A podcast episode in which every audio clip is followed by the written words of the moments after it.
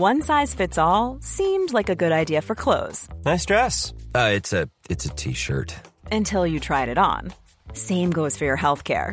That's why United Healthcare offers a variety of flexible, budget friendly coverage for medical, vision, dental, and more. So, whether you're between jobs, coming off a parent's plan, or even missed open enrollment, you can find the plan that fits you best. Find out more about United Healthcare coverage at uh1.com. That's uh1.com.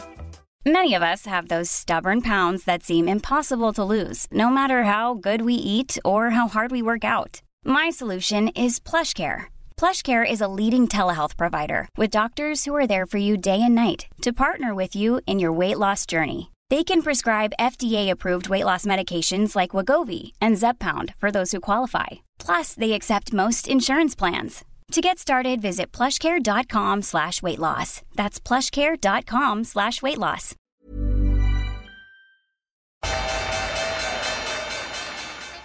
They mistook leverage for genius. Leverage for genius. I would recommend Japan. The governments don't rule the world. Goldman Sachs rules the world. Velkommen til episode 185 av podkasten Tid er penger, en podkast med Peter Warren. Jeg heter Sverre og er produsent, og i dag eh, er det vel strengt tatt to saker. Du har markedet med de crazy utslagene i forrige uke. Historiske store oppganger etter eh, KPI-tall. Samtidig som du har eh, en vedvarende kollaps i FTX, og mye i hele kryptokomplekset er under fare. Så det er det store deler av episoden i dag handler om. Og så har vi gleden at vi har IG tilbake. For dem som har hørt på podkasten i lang tid, så husker de nok godt at vi hadde IG med som sponsor i mange år. Og i dag har vi IG tilbake. Det er et litt nytt IG også. Det er jo noen år siden de var her sist. Og vi har et sponsa intervju med Erik Lindén. Så eh, ikke bare er det fint å ha han tilbake, det var også et fantastisk interessant intervju. Jeg håper dere hører på hele. Det er definitivt verdt det. Snakker mye om hvordan man blir bedre som trader.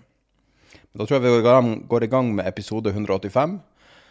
Og eh, så får vi håpe at uh, ikke helt enorme endringer fra opptak til, til publikasjonen, men det skjer mye fort nå. Så ukas store spørsmål er Det er ganske åpenbart, da, etter alt som har skjedd. Kan Sam Bankman-Fried knytte skoene sine? Jeg skjønner du har sett bilde av, av eh, skoene hans. Var, var, det under eh, Det var under et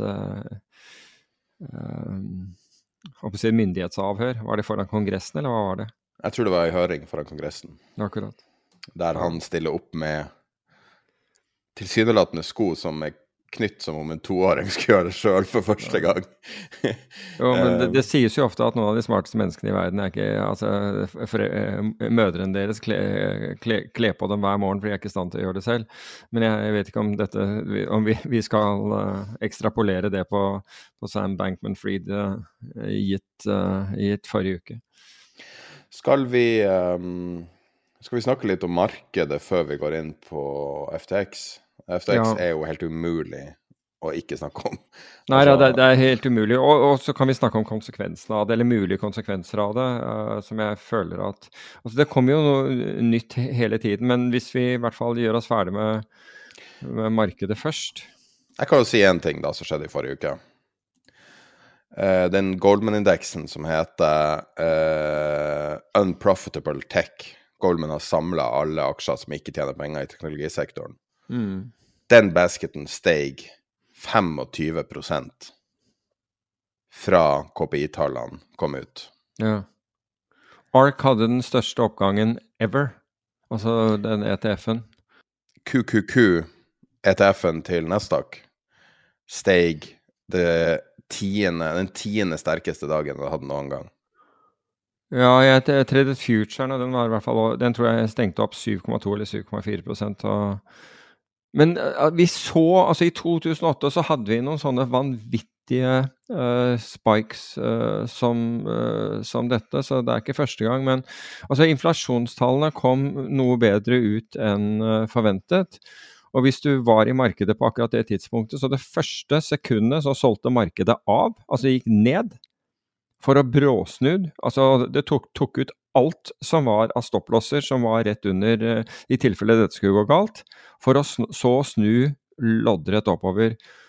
Og da gikk det vel opp en 3-4-5% eller noe sånt nå før, før, før, det parkerte eller, eller begynte å avta. Og, og, dette gikk veldig, veldig fort. Ja, det gikk fort, og samtidig ikke så fort. Jeg satt og fulgte med futuren da. At til å begynne med gikk det veldig fort på futuren. Stagga oppover en halv prosent, en prosent. For skjønte ikke hva det var for noe. Og så så det ut som at markedet som helhet overvurderte verdien av det KPI-tallet. Hva du tror om den teorien om at det var en, en sånn engangspost som skapte kunstig gode KPI-tall?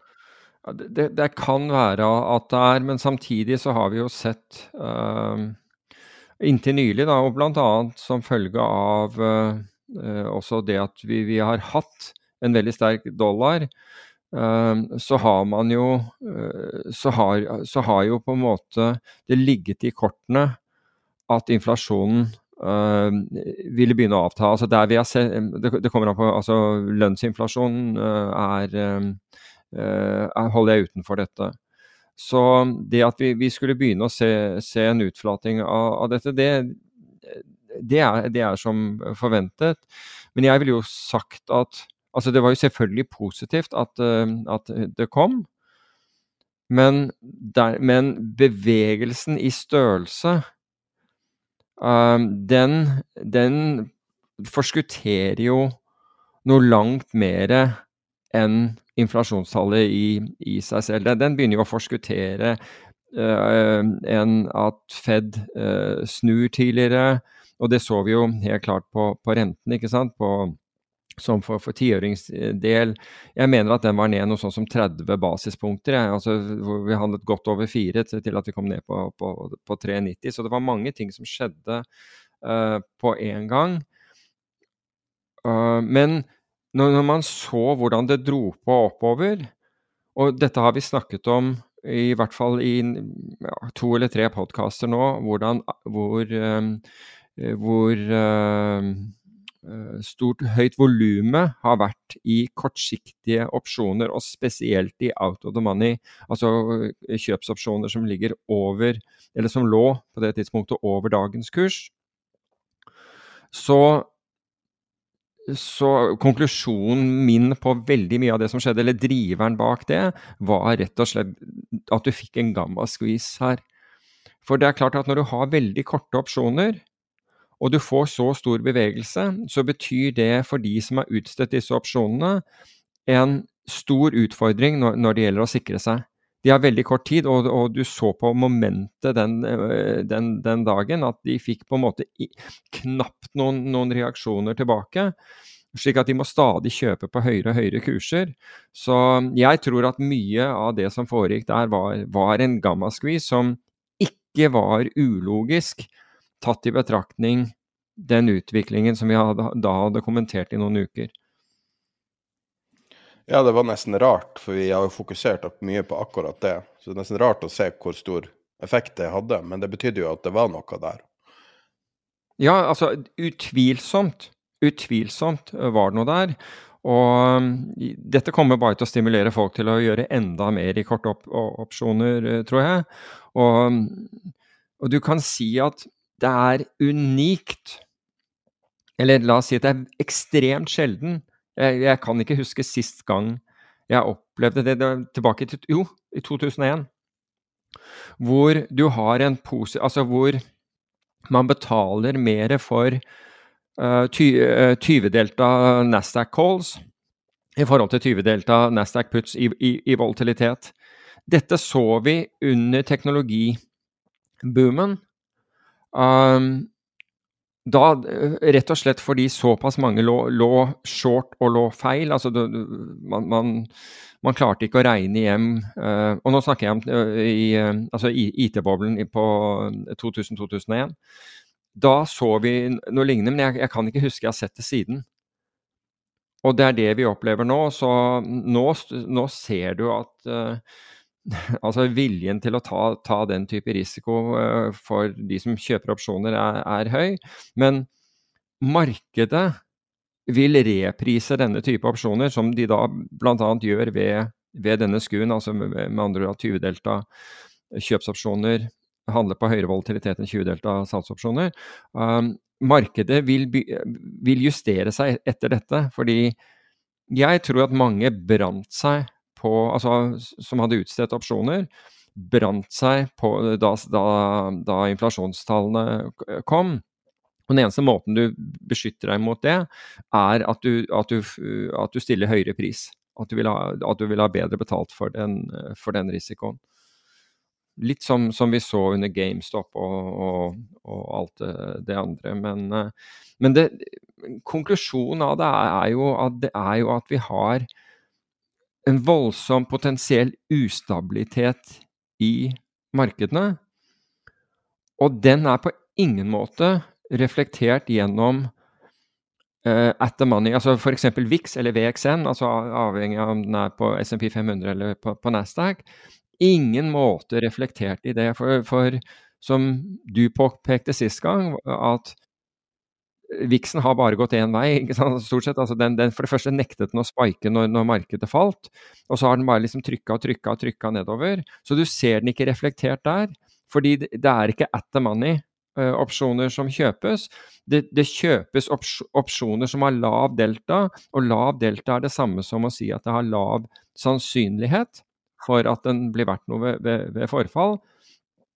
Forutsatt, forutsatt at, uh, at, uh, at, kursutviklingen, eller avkastningsutviklingen, er normalfordelt.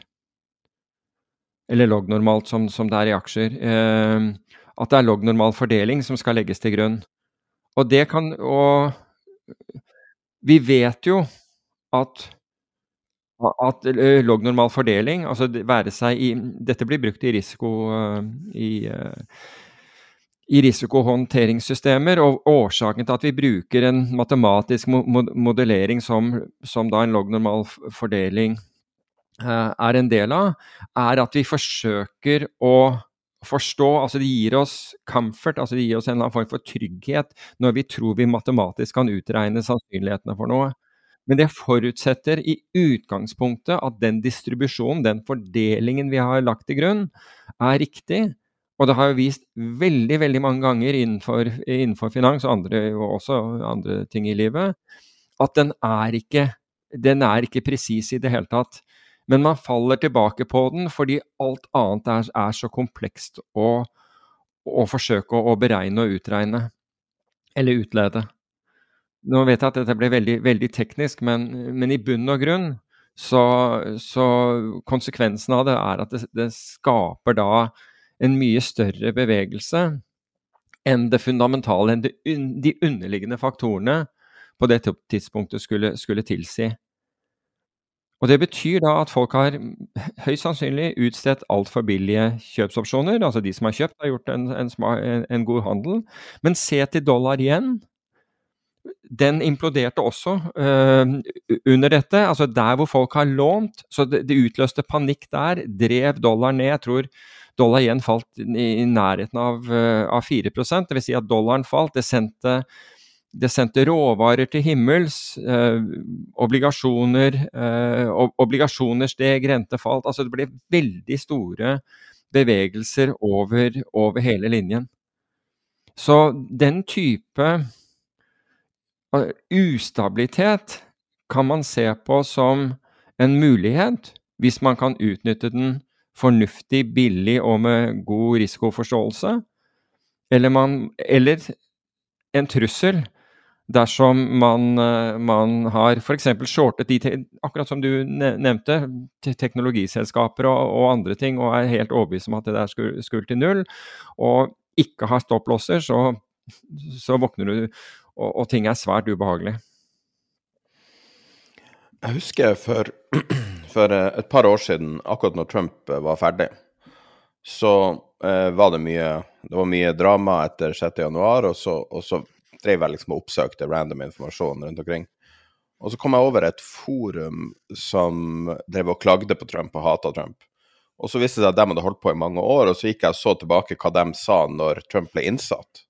Og da var det en spådomsamling der, der folk skulle spå hvordan Trump kom til å bli som president. Og det var kanskje 1000 spådommer der. Ikke én traff. Én var litt nært, mens resten var så feil at de kunne like gjerne ha valgt hvilken som helst retning. Og etter det så har jeg tenkt på at altså, Selvfølgelig er det umulig å spå framtida, men herregud, her vi sitter i dag For, for ei uke siden så visste vi ikke Altså, vi hadde en inkling om at det kunne være noe som skurra med FTX. Nei, Eh, du hadde, la oss være presise, du hadde, du hadde ja. den inklingen. Men vi kan ta det når vi går inn på, på, på Ja, men uh, uansett. Men det var absolutt liksom Det var sånn kanskje veldig sånn ultra-permaber-tanke, på en måte. Det føltes ikke som at det kunne skje, at det kunne kollapse. Eh, og så øh, var meningsmålingen soleklar i favør av republikanere. Det var rød bølge. Det påvirka beslutning i Moskva, påvirka beslutning i Saudi-Arabia. Det påvirka hele verden. Men alle satt liksom og, og var ganske sikre på utfallet her, og man kunne da spole flere år fram i tid, og først skjer det, så skjer det, og så skjer det. Og så skjer to ting som på en måte ingen så komme. Og så er verden helt annerledes Mm. maktbalansen Du ser liksom nå at Biden reiser til Kina, er i Kina nå og, og snakker. En helt annen, Er han, helt er, annen ikke, er han ikke i Bali? Er det ikke der? ja, ja, ja, jeg mener er er med, med Kina, ikke i Kina. Ja, han skal Eh, ha en samtale med, med kineserne der, ja. Mm. Ja, og, eh, og det er allerede dramatikk der, forresten. Jeg har sett meldingen tikke inn. Mm. Litt sånn eh, diverse journalister som eh, er i litt sånn drama. Men, men poenget er at han kommer dit med et mandat, han kommer dit med styrke, og kan, og kan eh, på alle måter sier han representerer USA, og det er ingen Trump som lurer i bakgrunnen. På samme måte som FTX. Alle på jorda har hørt om FTX nå, og, og har ei på en måte mening om det, nesten. Mm. Um, og det er bare det som Min konklusjon etter denne uka er det er helt umulig å spå framtida. Selv de Altså- store tingene. De små tingene, glem det. liksom. Jo, jeg er helt enig eh, med deg i det. fordi det er, jo, det er jo ingenting som tyder på at vi er gode til, eh, til, til å gjøre det. Og det til tross er det jo hver eneste dag så er avisen fulle av spådommer for, for, eh, for finans og for enkeltselskaper og hele greia. Og vi vet jo at de aller fleste av de er bare tull og, og, eh, og, og ender, ender med tårer. Men det til tross så produseres det hver eneste dag. Som om, som om historien bak ikke har, har noen som helst be, be, be- betydning. altså Nemlig historien da som at dette kan man ikke. Eh, Men det vi kan gjøre, det er jo å forsøke å kontrollere vår egen risiko. Det kan vi imidlertid gjøre. Vi kan velge å ikke ta, eh, ta risiko som er open-ended, altså sånn hvor, hvor det er umulig å kontrollere den. Altså ikke, rett og slett ikke gå inn i, inn i den type Nå kaller jeg det veddemål fordi, eh, fordi eh, fremtiden er usikker, ikke fordi det nødvendigvis er et binært forhold her, men det er en måte det er en usikkerhet forbundet med det. Men det er, det er slike ting vi, vi kan gjøre, og det er sånne ting som plutselig overrasker oss totalt, og, og som kan Altså Hvis man har tatt for, tatt for, for mye risiko Noen ganger så, For noen så går det bra, men for andre så er det, er det plutselig game over. Um, og, og jeg tror det senest i dag så er det i en av avisene så er det en, en kar som solgte bedriften sin for 100 millioner, og nå er, nå er alle de pengene blåst bort og skylder ti, titalls. Hvem er det her? Jeg har ikke lyst til Um, det er, det er Hva sier du? Er det ideen? Uh, nei, det var, det var en som sendte meg det, så det var ikke det ene. For det, det kan være Finansavisen, for det er bare så noen sende meg en, uh, en, en snapshot uh, shot av det. Altså, jeg vet godt hvem det er. Jeg vet ikke, Skal vi, skal vi nevne uh, Nei, jeg tror ikke det. Jeg synes, Nei, altså, jeg, jeg, jeg, jeg kjenner vedkommende lite grann. eh, Ikke godt, men fordi vi, eh, vi, eh, vi kjørte rally på, på, på samme tid. Ah, ja. ja, da vet jeg hvem det er. Ja, akkurat. Men, øh, men, men det er poenget mitt, og det er ikke så lenge siden jeg hørte om noen som hadde solgt Som hadde overtatt en familiebedrift, og da, øh, da var den verdt 100, 100 millioner, og hadde da over 20 år så hadde de så, så, 20 år senere så, så ble bedriften solgt for en halv milliard. Og så ble pengene da forsøkt investert. Og i, fikk råd da om å Vedkommende er veldig ærlig på det. Sa at ø, han, han har selv sagt til megler som han trodde Han trodde ikke det var noe forskjell på et meglerhus og et forvaltningsforetak. Um, men at, at, litt spenning ville, altså Han har jobbet så hardt, så litt spenning kunne gjerne ha. Og resultatet er nå at han har 100 millioner igjen. 400 millioner kroner er blitt borte på Euronex Growth-aksjer. Og tapet er tatt. Har du også lagt merke til at etter at Euronex Growth kom, så er det ingen som sier aksjer skal alltid opp igjen? Vi har mistet det, der, det ordtaket som alltid ble sånn Det er ingen fare, bare sitt. Det kommer alltid opp igjen. Du har, aldri, du har ikke hørt det siden, siden Euronex Growth uh, begynte å handle. Og det, og, og det, er sikkert en veldig god grunn til det. Men uh, Jeg mener at han har seg sjøl å skylde, han du forteller om. Vet du hva, han, han, legger ikke skylden på noen andre enn seg selv. Han er ekstremt fortvilet. Det burde han heller ikke være, han har 100 mil. Jo, ja, ja, ja, jo, men du kan si at han overtok bedriften for det, og klarte da over en 20-årsperiode å bygge den opp og, få, og, og, deretter få den solgt. Ja, Så start det samme igjen, da, og slutt å drive og investere. Ja, men, Hold deg til det du kan. Ja. Jo, man kan gjerne, gjerne si det, men nå, nå, var det sånn at det kom, en, kom et bud på denne her og, og, og solgte, og så var det egentlig å å investere sånn fornuftig for, for fremtiden, sånn at, uh, sånn at familien liksom hadde det bra. Det var, liksom, det var tanken. Og det var velrenommerte meglerhus som ble, uh, som, ble, som hadde, hadde, kontakt med, men pengene ble utelukkende da anbefalt å putte inn i de mest risikable aksjene som, de, som disse meglerhusene tilfeldigvis eh, drev og, og emitterte Eh, eller, eller ja, eh, introduserte på børs. Det er helt for jævlig. Men, men, han altså bare så det har sagt, han, han, legger ikke skylden på andre enn seg selv, han. Han er, veld, han er ekstremt fortvilet for, for den situasjonen som, uh, som er, men, men legger overhodet ikke skylden på, på, andre. Og han sa at det, det, var veldig dumt å, å, si det der at, at liksom han, han, kunne godt ha litt spenning. Uh, så, så, det er ikke en som sier at 'dette var ikke min feil', og nå uh, og se hva megler, meglerhusene har gjort med meg. Ikke i det hele tatt. Men poenget mitt er at, at, det er en del sånne altså Du hører veldig ofte om de som, de som slår den ut av parken. Det er ett slag, og, og, og ballen blir, blir, siden aldri sett. Det, det, går så fantastisk bra, men det er ikke så ofte du, du får historiene til um, til, til, de som det ikke går bra med. Um, og det kan minne oss om at det er risiko der ute. og Forrige uke var, var liksom full av den ty type risiko. Være seg om du, hadde, om du lå short uh, disse uh, noen av disse aksjene i den Goldman-indeksen over teknologiaksjer som ikke har inntjening og, er bare tull. E-, eller, eller hadde Er det ikke en sånn ark Fins det ikke en giret ark short også. Sark.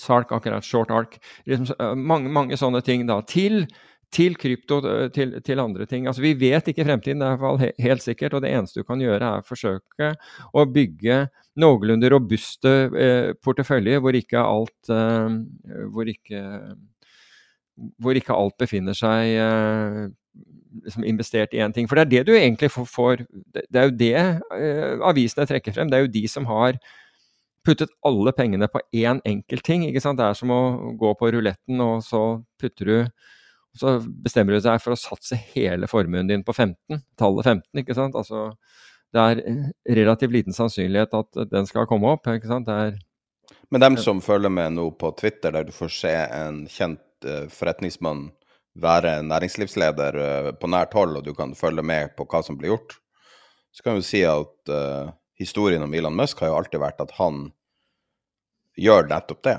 Han tar enorm risiko. Og han har jo blitt verdens rikeste på den måten. Husk du sier at det er feil, da, å ta enorm risiko.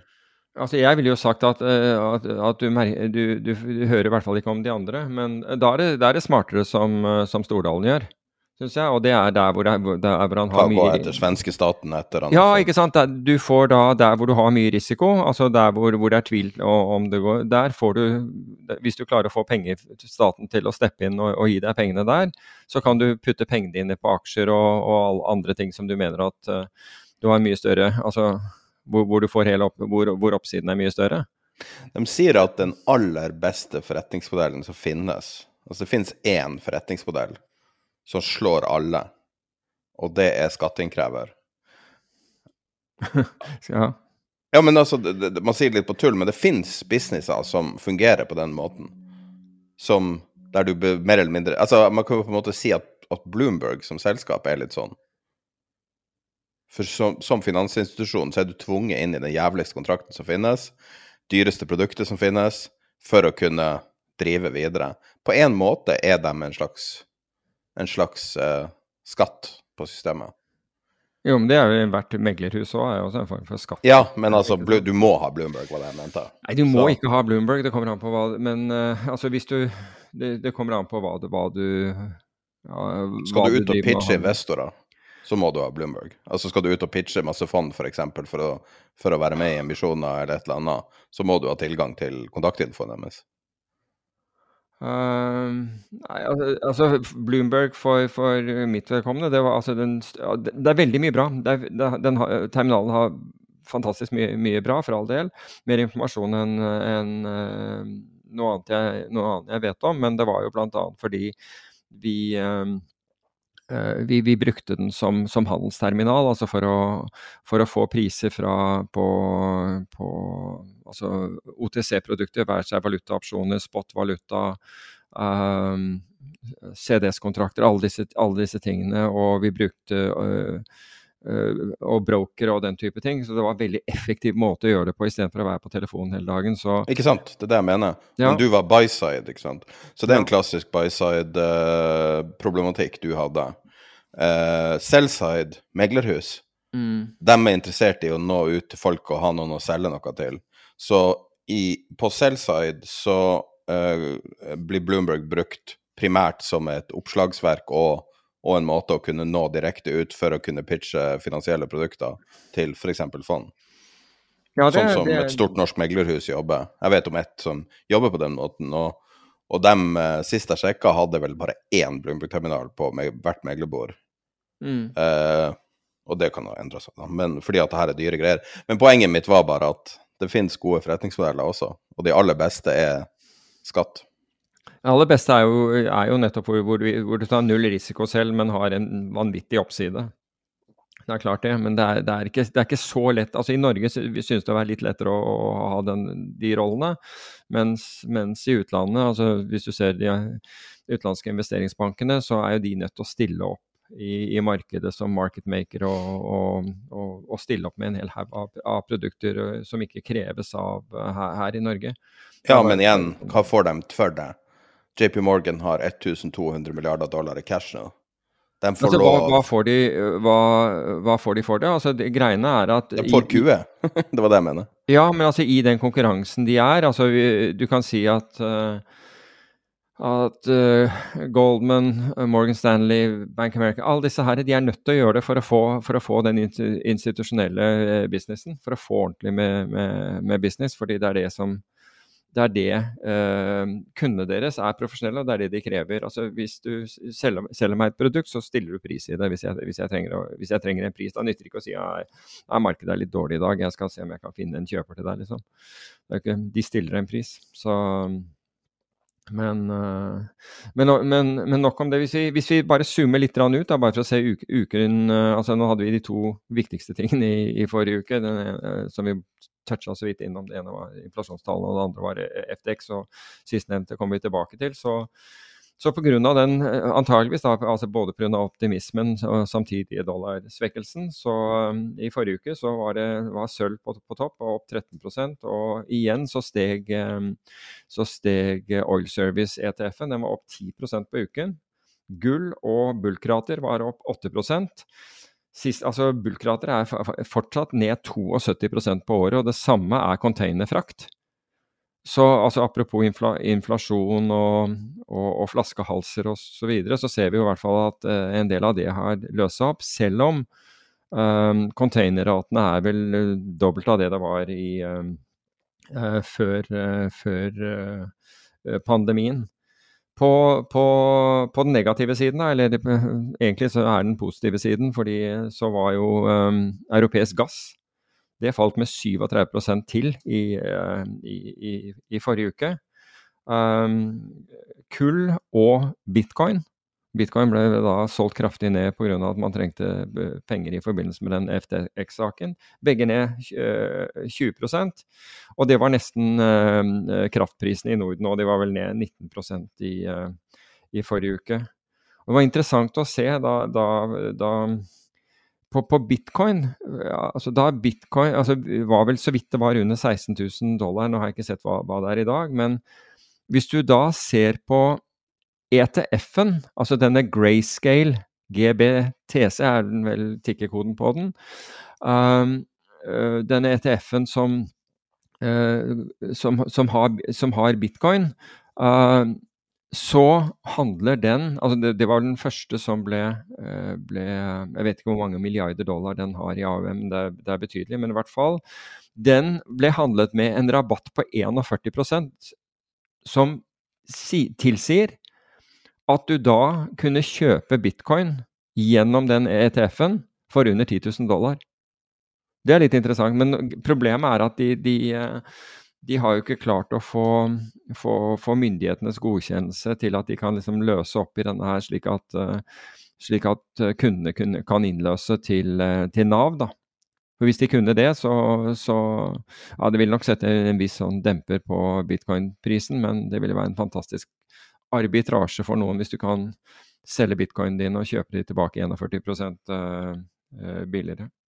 Så, men det er som vi sier, det er en, det er, uh, det er en del muligheter der ute. Ellers så Vet du hvor lenge Altså, vi, vi, snakker jo om dette med realavkastning ikke sant? Og, og, og realrenten, ikke sant? som er negativ. Altså Med andre ord, inflasjonen er høyere enn den renten du får i banken eller på obligasjoner osv. Og, så og vi, vi sitter jo i hvert fall sånn Etter økonomisk teori så skal jo ikke det vedvare. Det skal ikke vedvare det at du kan låne penger og bare plassere det nærmest på hva som helst. Riktignok ikke hva som helst, så ta det med en klype salt, men til en høyere rente lånerenten skal være høyere enn eh, eh, I hvert fall være høyere enn en, en sikre plasseringer. Men, i, men, når man snakker om dette med hvor, hvor lenge kan dette, dette foregå? Det, altså dette vil jo bli justert. Altså vi, vi, ser jo nå at rentene stiger, men, er, men rentene er fortsatt ikke i nærheten av av inflasjon, verken i, i, Norge, USA eller Europa. Men ser du for Europas vedkommende, så har du hatt negative realrenter, hold deg fast, i seks og et halvt år. Det er insane, vet du. Det er helt insane. Og er en, en brist, vil jeg hevde, i, i, eh, i økonomisk teori. Negativ realrente i seks og, seks og et halvt år. Er, sånn går det når du trykker penger for den store gullmedaljen? Ja, Helt riktig. Sånn går det når Fuck opp alle mulige dynamikker ja. som er naturlig. Ja. Det er jo en, ganske mange naturlover i finans. Ja, absolutt. Men for øvrig, så dollar igjen, da, som, som vi og Jeg er frustrert over at ikke japanske sentralbanken intervenerte nok, men nå intervenerte de jo da, eh, da disse, disse, to gangene. Men den, i forrige uke så falt dollaren 6% mot igjen. Og her er det mange som har lånt penger. altså. Det må, det må, vi huske. Det er veldig, veldig mange som har gjort denne carry-traden med å låne igjen og plassere f.eks. i amerikanske dollar eller i, eller i andre ting. Men, det var det vi snakka om for et par uker siden, så du har sett noe eh, For ja. vi, vi snakka jo og spekulerte jo om at det måtte være mange som gjorde det, men vi ikke har sett så mye data. Nå har du sett data på det? Ja, nå, altså nå, se, nå, ser du nå at, hvordan folk får panikk. ikke sant? Altså, hvis, du hadde, hvis du bare ser på, på, på differansen da, mellom amerikanske treasuries, da, ikke sant? la oss si på 4 og, og, og japanske tiåringen på, på, en kvart. altså Den amerikanske var jo over, var jo over, over 4,30 eller et eller annet sånt, men la oss si at, si at det er en 4% rentedifferanse. Så 4% i året vil du tjene på å låne japanske igjen, plassere i amerikanske dollar. Låne i, amerikanske, eh, låne i japanske igjen og, og, plassere i, i, i, amerikanske statsobligasjoner. Og så faller det 6% på en uke. Mm.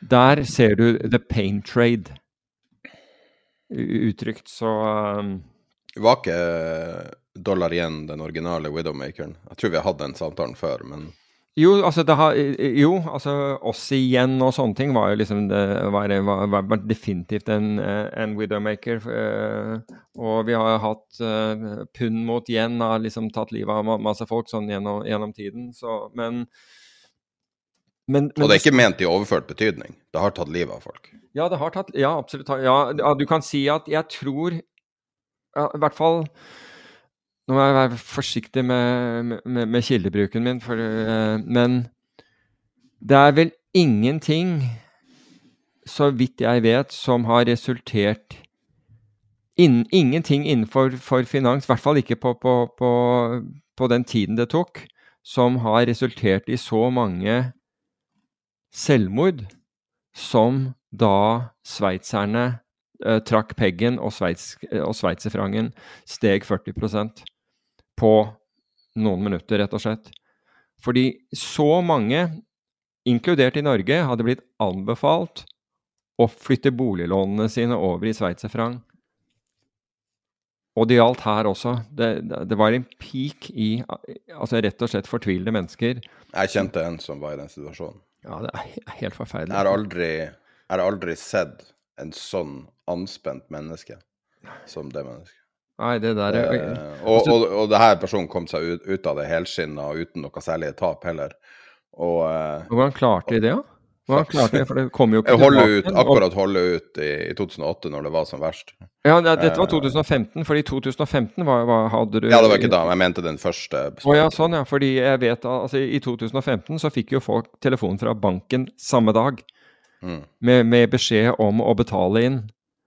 Og Jeg tror var i det jo 2008 rakk de ikke å ta kontakt med alle for margin calls fordi det kom så voldsomt og så hardt. ja, Det kan godt hende. Da var det så mange ting som skjedde også. Men, Ja. uh, men uh, janu 15. januar 2015, mener jeg det var. Da var det jo litt, litt annen greie. Men uh, i hvert fall, det var uh, Men det var liksom sånn oppsummert hva som hva som foregikk, i hvert fall i, i forrige uke. Da skal vi gå over til sponsa innhold med en gammel, eh, jeg vil si eh, den originale friend of the pod. Eh, Når vi starta Tid er penger, så var IG Markets en veldig stor faktor for at vi hele tatt starta å lage Tid er penger. Ja, det, Du kan jo si at det hadde ikke vært for at IG Markets tok kontakt, så hadde, hadde vi sannsynligvis ikke startet den. Ja, og derfor syns vi det er litt sånn ekstra spesielt når vi da har med IG igjen. Vi jobba med dem, jeg tror det var i tre, tre og et halvt år eller noe sånt. Mm. Og så har vi, eh, er de nå tilbake.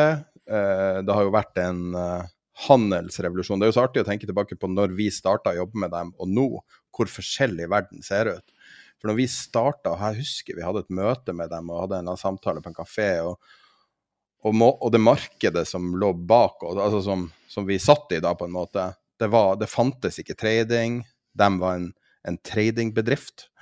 Og det fantes ikke eh, tradinginteresse i det hele tatt i folket. Og så mellom da og nå så har krypto kommet inn som bare juling. IG var jo også veldig tidlig på det. Og med krypto kom tradinginteressen, og så kom markedet, og så kom Robin Hood i USA og all galskapen. Så det, det er på en måte et veldig annerledes IG i dag. Og jeg syns mer komplett IG enn det var når vi jobba med dem sist. Og jeg har sittet og lekt meg litt med plattformen, og må si jeg er imponert.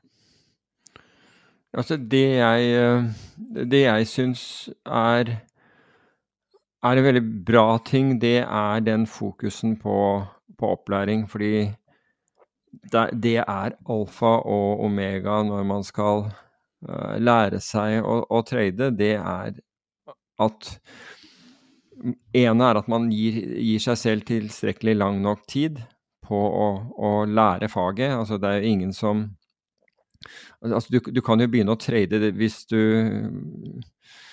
fra dag én. Du kan jo bare opprette en konto hvor som helst, et meg, meglerkonto, eh, og, og, og begynne å trade.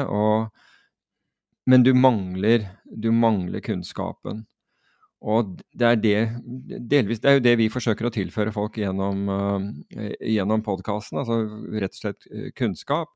Men de gjør det da spesifikt på det der å lære seg å, å, å trade. Og, og det, er, det, er, skrikende nødvendig. Og, og først og fremst det så vil man spare fryktelig mye penger på å lære seg ting først. Og det gjelder om, om det dreier seg om opsjoner, eller om hvordan du trader gull, eller rett og slett trade risikohåndtering og den type ting. Det å få noen som kan peke deg i riktig retning, gjør at du slipper å gjøre dyre feil selv. Eller i hvert fall du kommer til å gjøre mindre, mindre feil, og forhåpentlig blir de mindre kostbare også. Fordi det, dette er en voksenopplæring, og det betaler vi for. Det må vi være, være klar over at vi gjør. Altså Hvis du velger å ta et, et, et et universitetskurs eller et eller annet sånt, så betaler du penger for det. Og du må også regne med at du betaler noe for, for, eh, for kunnskap her. Men hele poenget er å gjøre den, den betalingen så, så, liten som mulig. Og smerten så liten som mulig. Men det er også en viktig faktor, da. Altså det er enkelhet. Når Robin Hood kom, så husker jeg kimsa av liksom, de fokuserte på design og enkelhet. Enkel plattform å bruke. Og det var jo på en måte den hemmeligheten Robin Hood hadde i USA. Det finnes jo ikke i Norge. men mens IG har den samme enkelheten, det liker jeg veldig godt med den plattformen. Og det er nettopp Altså, det ene er at du kan få eksponering på veldig mange av de tingene vi snakker om, som du ønsker. Altså, eh, du, har, du trenger ikke å uh, gå til f.eks. amerikanske meglerhus eller, uh, og, og, da slite med alle de problemene som er med å, med å drive um, altså virksomhet opp mot noe som ikke er tilpassa det norske markedet, men også rett sånn praktisk, bare å komme i gang og, og, ha, um, og ha, de rammene du trenger for å, for å, gjøre det du har lyst til å gjøre. Så jeg syns, det er veldig robust nå. Altså. Vet du hva nøkkelen til akselerert læring er? Kokain? Jeg vet ikke. Nei, jeg, jeg, tror ikke at det er sentralstimulerende stoffer verken på, som får deg opp eller ned. Men ikke gjenta feilene dine. Vi gjør alle feil, og når, man, når, vi gjør disse feilene, skriv dem ned. Skriv de feilene ned, så du har de foran deg. Og gi deg selv det løftet at du ikke skal gjenta den feilen. Hvis du Altså, jeg har, jeg har syndet mot dette selv mange ganger, dessverre. Og, men jeg vet Altså, jeg, jeg vet allikevel at hvis du Jeg ville spart enormt på å ikke gjenta dem. Så det jeg forsøker å gjøre, eller i hvert fall har forsøkt over, over en lang tid, å bli bedre i, det er å, å, jobbe med meg selv slik at jeg ikke gjentar faktisk feil.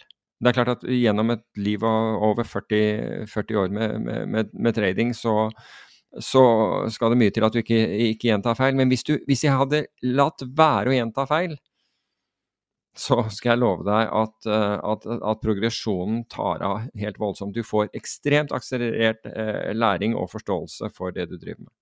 Så Det er mitt beste råd. Men da går vi i gang med det her sponsa intervjuet fra Erik Lindén i IG Markets. Jeg, fant deg faktisk ikke på LinkedIn. Jeg bruker alltid å ha LinkedIn-profilen. Jeg, jeg, husker ikke, hvor, var det du kom fra før du var i IG?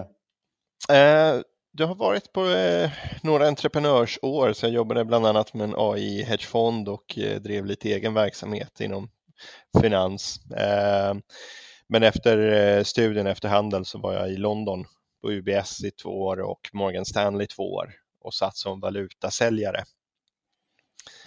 Hur syns du UBS och Morgan Stanley var som firma? Fantastiska.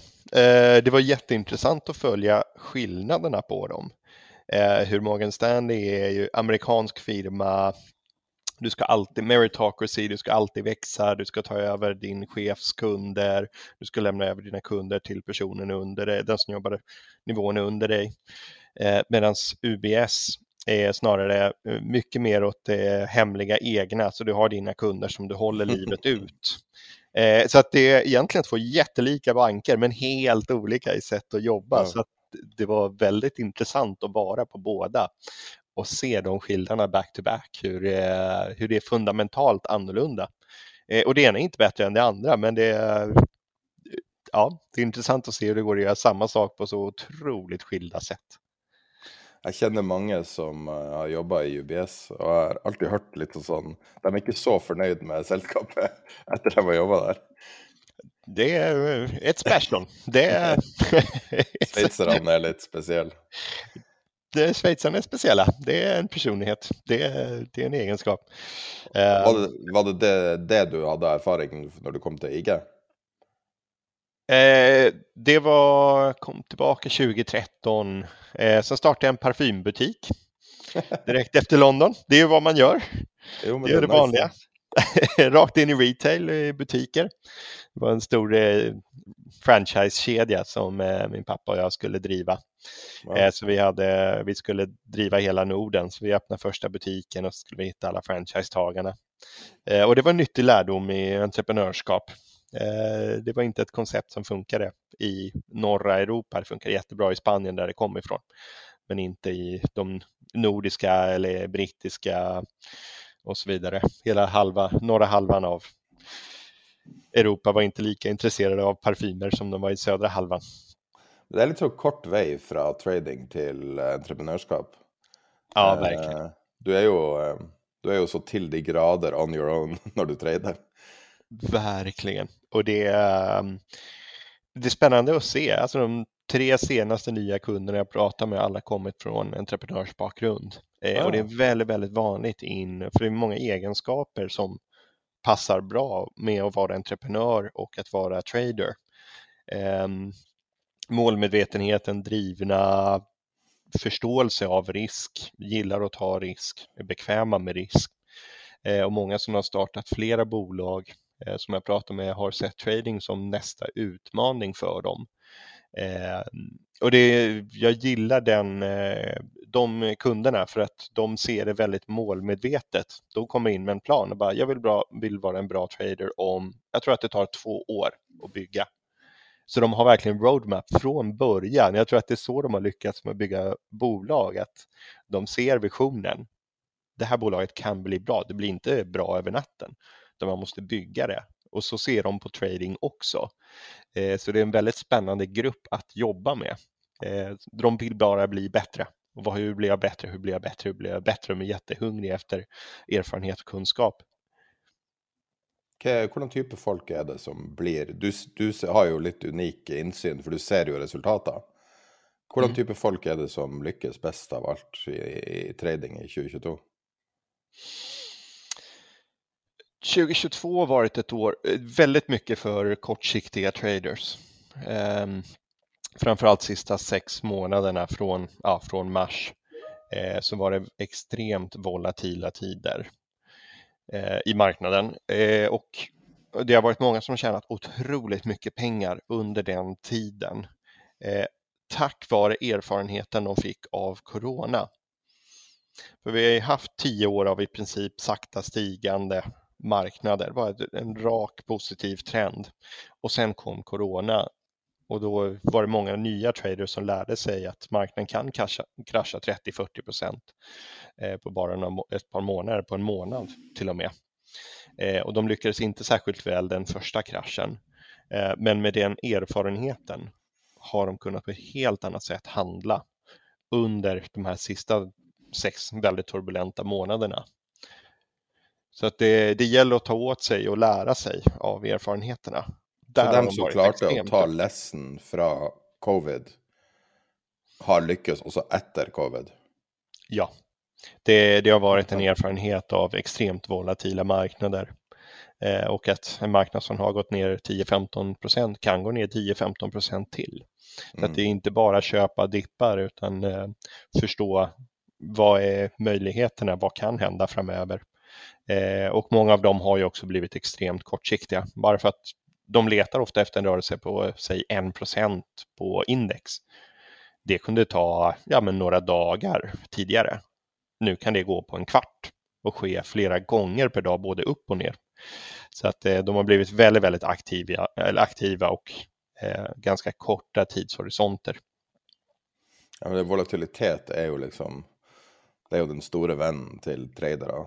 Uh, at du får uh, solid vold. Nå er jo viksen er jo fortsatt ganske lav nå, men jeg opplever at volatiliteten totalt sett er så høy som den kanskje nesten har vært noen gang? Det, ja.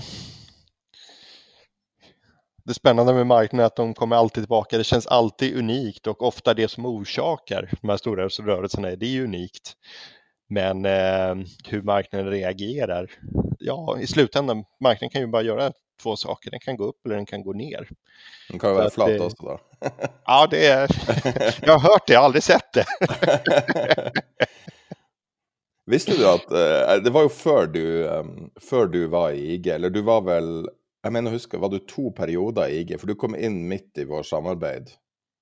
Um, men, men, IG er årsaken til at Tid er penger eksisterer. Uh, det syns jeg er litt artig, og det, litt, det betyr litt ekstra. Uh, for når vi starta opprinnelig podkasten, mm. så var det på grunn av at IG hadde tatt kontakt med Peter tidligere og at vi hadde vurdert at det var en, en bra partner. Det var uh, noen vi har, som har lang, lang historikk. Liten sjanse for å være kjeltringer. Man vet jo aldri med andre selskaper. Og, og vi satt og, og, tenkte på om vi skulle gjøre det her nye prosjektet. Og hadde det ikke vært for IG, så hadde Tida penger aldri eksistert. Fordi at vi hadde ingen backup. Det var det eneste vi ville jobbe med.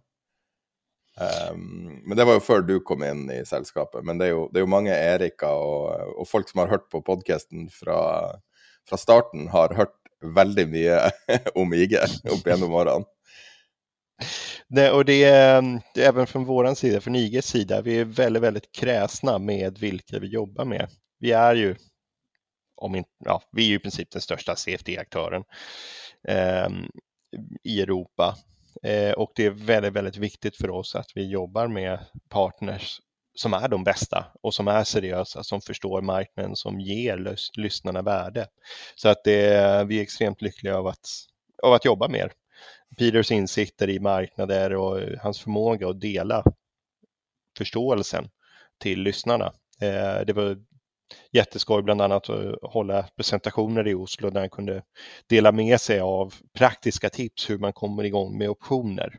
Eh, och det är ju väldigt nyttigt för traders att lära sig nya verktyg, nya sätt att tänka, hur de bättre kan ta positioner som passar deras vy. Så att det, det är extremt roligt att jobba med er igen. Ja, og det, det foredraget du snakka om når det var den opsjonskvelden i Oslo, Uh, jeg tror jeg må legge med det YouTube-linken uh, i denne episoden. Fordi det er så utrolig bra, det foredraget. Det er Peter på sitt aller beste. Han hadde jo, han hadde jo hatt noe neseblod eller et eller annet den dagen. så, så han, var sånn, han var litt sånn halvsvimmel når han starta, husker jeg. Og, uh, og, det var bare så utrolig høy kvalitet på innholdet. Så jeg tror jeg må legge det med også som et sånn opsjonskurs. Så er det så bra det kan være, nesten.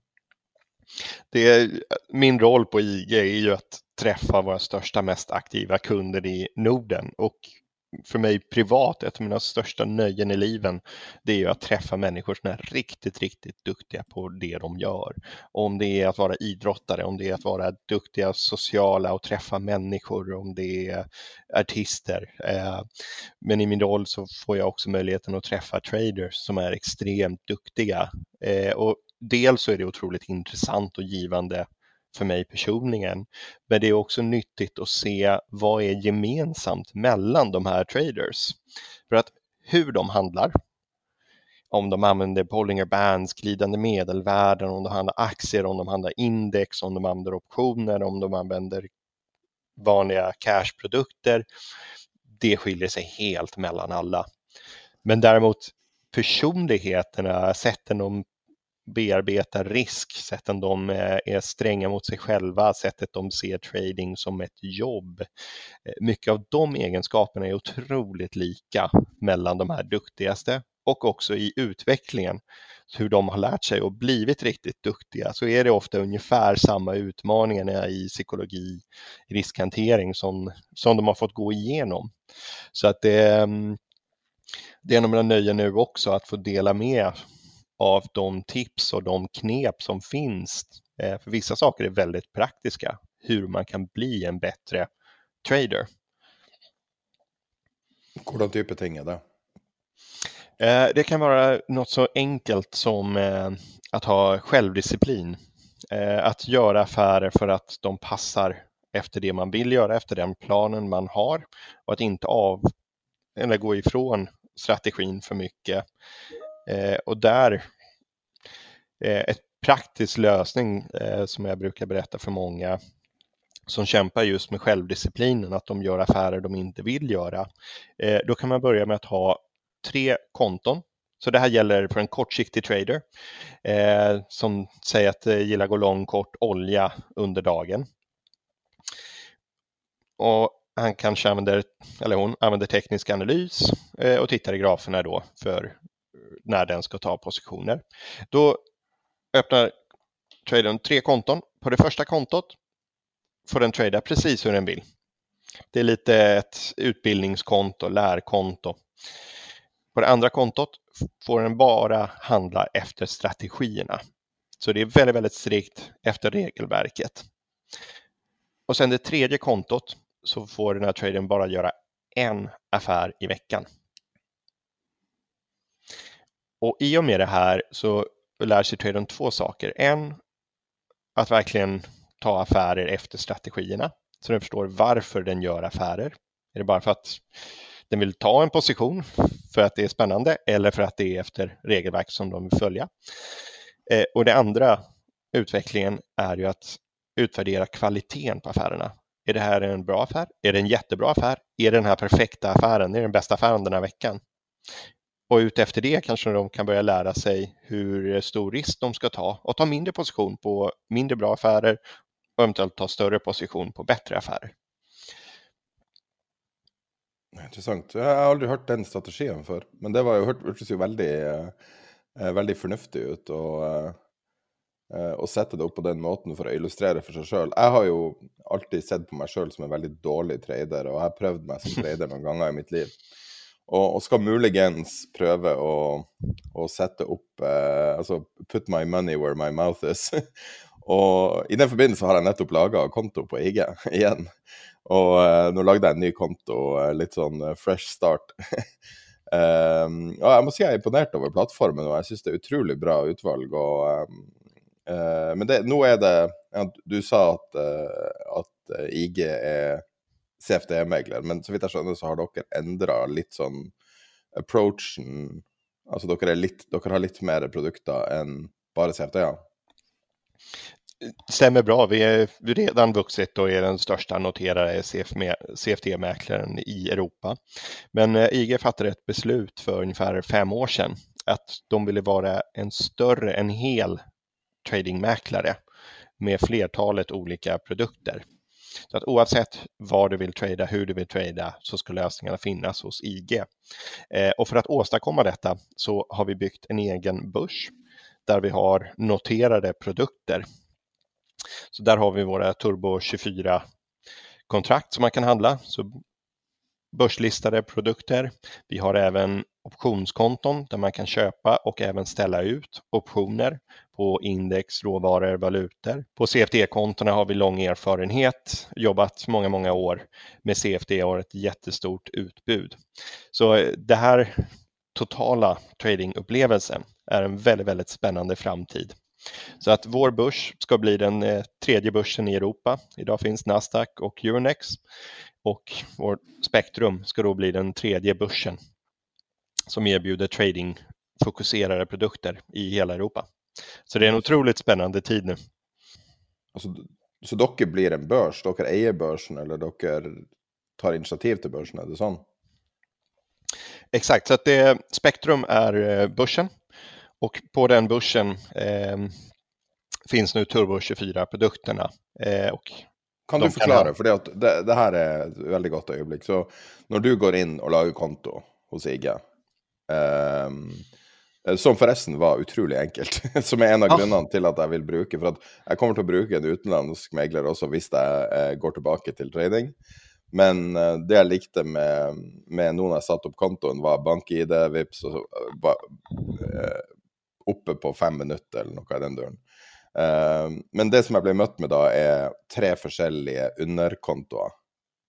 Um, er, det tre, er, det separate midler på Turbo 24, CFD og barriers og opsjoner? Exakt, det er, och det är enkelt. BankID, Vips, det är kostnadsfritt att öppna kontona. Eh, och då de tre kontotyperna, det är precis de här. Det finns CFD med det jättebreda utbudet av produkter. Vi har Barrier och optionskonto. Eh, kan du förklara de tre forskjellige? Turbo 24, vad är det egentligen? Turbo 24, det är våra börsnoterade produkter. Eh, Turbo 24 jobbar med att produkten har en knockout-nivå det sämsta möjliga utfallet är att marknaden kommer till knockout-nivån eh, och då blir du utnockad. Eh, och det är en garanterad produkt så du kan aldrig förlora mer än vad du har betalat för en Turbo 24. Eh, och enkelt förklarat så är priset av ett kontrakt i Turbo 24 skillnaden mellan var knockouten är och var marknadspriset är. Så är det en produkt som kostar, säg en aktie som kostar 100, knockouten är på priset av 90, då är det 10 kronor däremellan så då skulle turbokontraktet kosta ungefär 10. Kosta lite mer för eh, premien för att få garanterade knocker, men ungefär 10. Och då för att köpa en position som är värd 100 i underliggande behöver du bara betala 10 för positionen och det är då en giring på 10 gånger pengarna. Så att det är ju girade produkter eh, som givetvis kan röra sig väldigt snabbt. Men du riskerar aldrig mer än vad du har lagt på en produkt. Så det är turbokontrakten. Är eh, det strukturerat som en CFD eller är det, eh, eller är det ett separat produkt, som hur det är konstruerat upp? Det är helt separat och det är börsnoterade produkter. Så de ligger okay. på spektrum och handlas. Eh, så att det finns marknadspriser eh, på de här produkterna hela tiden och bra likviditet. Och de handlas 24 timmar om dygnet. Så att produkterna från måndag morgon till fredag kväll är de i handeln öppen hela vägen, hela tiden. Och det är det som är så himla speciellt med det vi vill göra med den här börsen. Det är att skapa tradingprodukter för traders. Så att 24 timmars handel på alla stora index, råvaruvalutor och bra likviditet även nära stora händelser. Så nu klickar jag in och så ser jag liksom enkeltaksjer och så tar jag för exempel Apple och så får jag det. Det är otroligt enkelt. Jag måste säga att enkelheten är väldigt appellerande. Önskar du att gå lång eller short? lång. og så er det da inntil 22 ganger giring. Men det er et garantert produkt der? Altså det, du kan ikke gå under null? Nei. det och det er jo faktisk en av de tingene med CFD som er så positivt, det er jo de reglene med at du er beskytta, at konton er beskytta. CFD-kontot är beskyddat så att där kan man aldrig hamna på minus på kontot. Skulle det hända om det är något som händer med en position så eh, blir kunder aldrig skyldiga pengar. Det är ja, alltså då, då snackar du om retail. Det finns väl professionella kontoer det det, som, som inte har den beskyttelsen? Ja, det stämmer. Om, eh, om man vill bli professionell och ansöker om det, då får man högre giring, eh, men förlorar det negativa saldoskyddet som ja. alla retail har. Men jeg må si at altså, det, det fine med Turbo nå, nå gikk jeg bevisst, satte jeg meg bevisst ikke inn i det, For jeg husker vi snakket om Turbo 24-produkter eh, når vi hadde dere som sponsor, men så tida går, og så har jeg glemt litt av akkurat hvordan det funker. Jeg føler at det er mye lettere å ikke gjøre feil her. Så hvis jeg skal uttrykke en handel, så er det bara intressert, är jag kun interessert i å uttrykke den. Er det det som er strategien med Turbo 24? Ja, eh, det finns ju väldigt många Bull Bear, Mini Futures och liknande strukturer för listade produkter. Så eh, CFD passar väldigt bra för en viss grupp av traders, men det finns väldigt många som fortfarande handlar med de listade alternativen. Eh, och det är därför vi byggde Turbo 24, för de som redan handlar med de här alternativen hos sin traditionella mäklare. Där ville vi komma in och erbjuda ett ännu bättre alternativ. Framförallt 24 timmars handeln, flexibla giringen, bra plattform. Eh, de flesta av våra kunder handlar på mobilen. De flesta avslut sker via mobilen. Det är så himla enkelt att ha med sig. Så om något händer i marknaden och man vill vara med eller kliva av positioner så har du det inom sekunder direkt, på, direkt i handen. Eh, veldig mange i eh, Europa, i, i deres verden, vet jeg ønsker å gå og ta i retning, eh, i retning av å bli en slags Europas Robin Hood. er det det dere eh, på en måte går mot, å, å være like? Fordi at eh, Robin Hood, man kan si mye om Robin Hood, men brukervennligheten er veldig høy der. Og det er lett å gjøre, det er lett å bli introdusert til markedet. Har det vært et ønske for dere å, å gå i den retninga, altså på, på user experiencen til Robin Hood? Det er vår forhåpning å vara ännu bättre. Men eh, alltså, enkelheten, precis som du säger, det är centralt i det vi gör. Um, sen kommer det vissa traders som vill ha mer avancerade funktioner och risken med det är att plattformen blir för komplicerad. Då har vi andra plattformar som är mer avancerade. Men det jag tycker är så himla skoj är att jag har många vänner som också jobbat i finansiella in, marknaden, jobbat på stora fonder och banker och suttit med Bloomberg-terminaler och liknande som är extremt komplicerade system. Och de vill direkt börja med det mest avancerade vi har. Och sen visar jag dem plattformen och hur enkelt det är att lägga in ordrar, hur enkelt det är att följa positionerna, se dem i graferna. Och de flesta de bara, det här är perfekt, det är, det är ju precis det jag vill ha, det är mycket smidigare och enklare att använda. Så de flesta de stannar med hemsidan, med mobilappen och är supernöjda. Så att det, det är otroligt viktigt att det ska vara enkelt. Vi har snakka tidligere, vi, vi, hadde jo et sånn, litt sånn samtale før, før, her, før denne samtalen. Men en av de tingene er da, når du skal eksponere deg altså Kanskje forskjellen på dagen i dag og fem-seks år tilbake er at mange som ønsker å å ta posisjoner, ønsker å ta makroøkonomiske posisjoner, ønsker å ta, uh, være eksponert for uvanlige ting, da. Uh, foretrekker du, altså når du ser på hva som funker godt og ikke, uh, å være eksponert for selskaps, altså selska, selskaper i sektorer versus direkte mot underliggende råvarer, f.eks.? Hva funker best? Ja, det, och det är en stor del av trading och sista åren har det hänt väldigt mycket stora rörelser, de sista sex månaderna, naturgas, olja. Eh, och jag har träffat många personer, många traders som eh, vill ta exponering mot olja till exempel genom att köpa aktier som har exponering mot råvaror. Eh, problemet där är att en liten del av exponeringen är ju korrelerad till råvara, men det mesta är ju korrelerat till aktien till sällskapet. Eh, därför är det så viktigt att kunna ha en mäklare som IG där man kan gå in direkt i, är det olja du har en by i, då tar en position direkt i olja istället för att behöva gå via företag. Så att man väl har lärt sig och är bekväm i plattformen och att handla med IG så är det väldigt lätt att komplettera med nya tillgångar och lära sig att handla olja, följa olja och bli trader på olja till exempel. Eh, just för att det, allt finns i plattformen. Så att, och det är en av fördelarna med CFD. Eh, det är att vill du få tillgång till olja måste du i vanliga fall vara medlem av en av börserna och det är bara stora banker och fonder som kan vara, som egentligen kan handla olja direkt. Eh, och där kommer CFD och våra andra produkter där man kan gå in och handla direkt de här produkterna utan att behöva vara en stor fond eller bank. Vi kan snakke om obskure produkter. Um, mye har vært snakk om naturgass i, uh, i mediebildet de siste, um, uh, de siste månedene, uh, siste året. Er det stor etterspørsel fra tradere om, om sånn type produkter nå?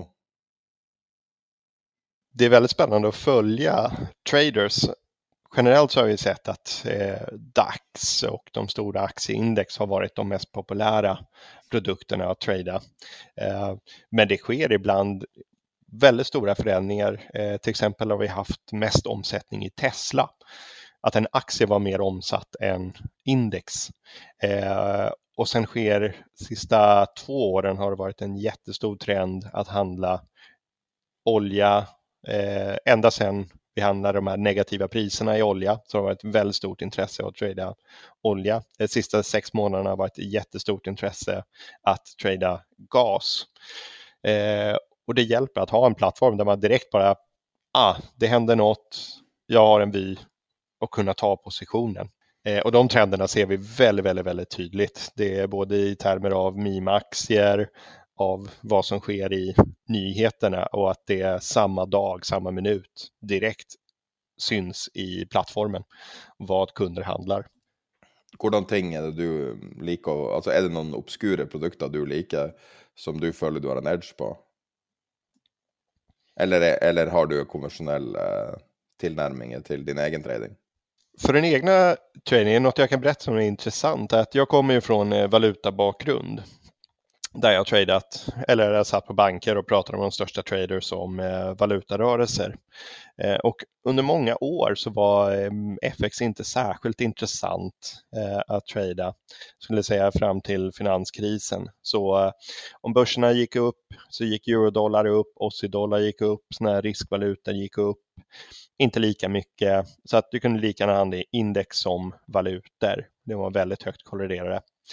Och nu i de här marknaderna med stigande räntor, stora makroekonomiska händelser, eh, diverse utmaningar för sällskap, positiva och negativa runt om i olika länder, eh, så har korrelationen mellan valutor och index helt brutit ner, vilket gör det jätteintressant att kunna diversifiera tradingen i både index och valutor och leta de intressanta rörelserna. Så vissa veckor är det FX och andra veckor är det index eh, som gäller för tradingen.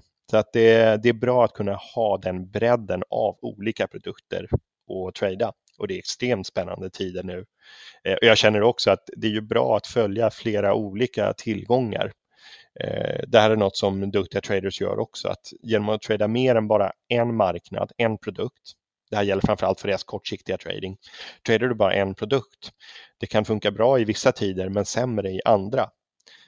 Men kan du bara trada en produkt så kommer du vilja trada även när marknaden inte passar din trading.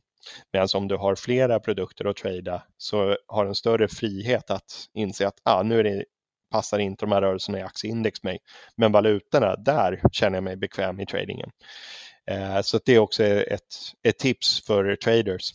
Känner du att marknaden inte passar dig, börja titta på andra marknader. Du behöver inte börja handla dem, men börja följa dem, börja lära dig dem, så investera den tiden på att bredda det du kan trada. Det är bra tips. Uh, har, har IG ett marknadssyn? Vi har eh, analytiker eh, som delar Eh, sina vyer på marknader och berättar inför stora händelser. Ehm, men generellt så är vi en mäklare så att vi är inte här för att hjälpa med när ni ska köpa eller sälja. Eh, däremot så vill vi det är jätteviktigt för oss att ni är bekväma i produkten, att ni förstår plattformen. För det finns olika typer av risk och marknadsrisk, det är det vi vill ha. Vi vill ta ett bett på att marknaden ska gå upp eller ner. Däremot ska vi inte ta risk i att inte förstå hur vi hanterar risk, som i att använda stoppar korrekt, att kunna ha den möjligheten och förstå att den möjligheten finns. Eh, på CFTR går det bland annat att använda garanterade stoppar och en garanterad stopp är precis som den säger, har en garanterad stopp på en nivå så kommer positionen stängas där. Du kommer aldrig få ett sämre utfall än den garanterade stoppen. Det... selv, om, uh, selv om du får uh, Jeg husker når, når, du sier det, garantert stopp var jo Jeg husker når dere lanserte det. Og, det. og det er sånn at hvis du får uh, en gap move eller et eller annet, så får du fortsatt ikke slippage? Korrekt. Det er den kursen eh, som du har satt garantert stoppen på. Ja, og her Stora fonder de sitter ju på mer information enn hva vi har. Där har de en fördel. Men vi som mindre traders. Vi har ju också en fördel mot de stora i att vi kan tjäna pengar eh, i en många, många fler produkter för att vi behöver väldigt små rörelser. Det räcker och vi har inte så stor likviditet att vi driver marknader. Medan de största aktörerna de har ju bara ett litet utbud av väldigt likvida produkter att trada i. Så att där har vi en fördel som eh, privata traders, att vi har ett större universum att handla i. Men vi har också fördelen av till exempel garanterade stoppar att vi kan hantera risk på det sättet just för att IG kan tillhandahålla det. Eh, och det är i alla våra mest likvida produkter, även i aktier, kan vi erbjuda garanterade stoppar. En garantert stopp, var ikke det strukturert sånn at dere bruker en opsjon, og så betaler man i praksis en liten premie, altså akkurat som å kjøpe forsikring på, på stoppen? Og så, og så, betaler du litt ekstra, men du får da den garanterte nivået? stämmer bra. Det funkar precis som en försäkring med garanterade stoppar.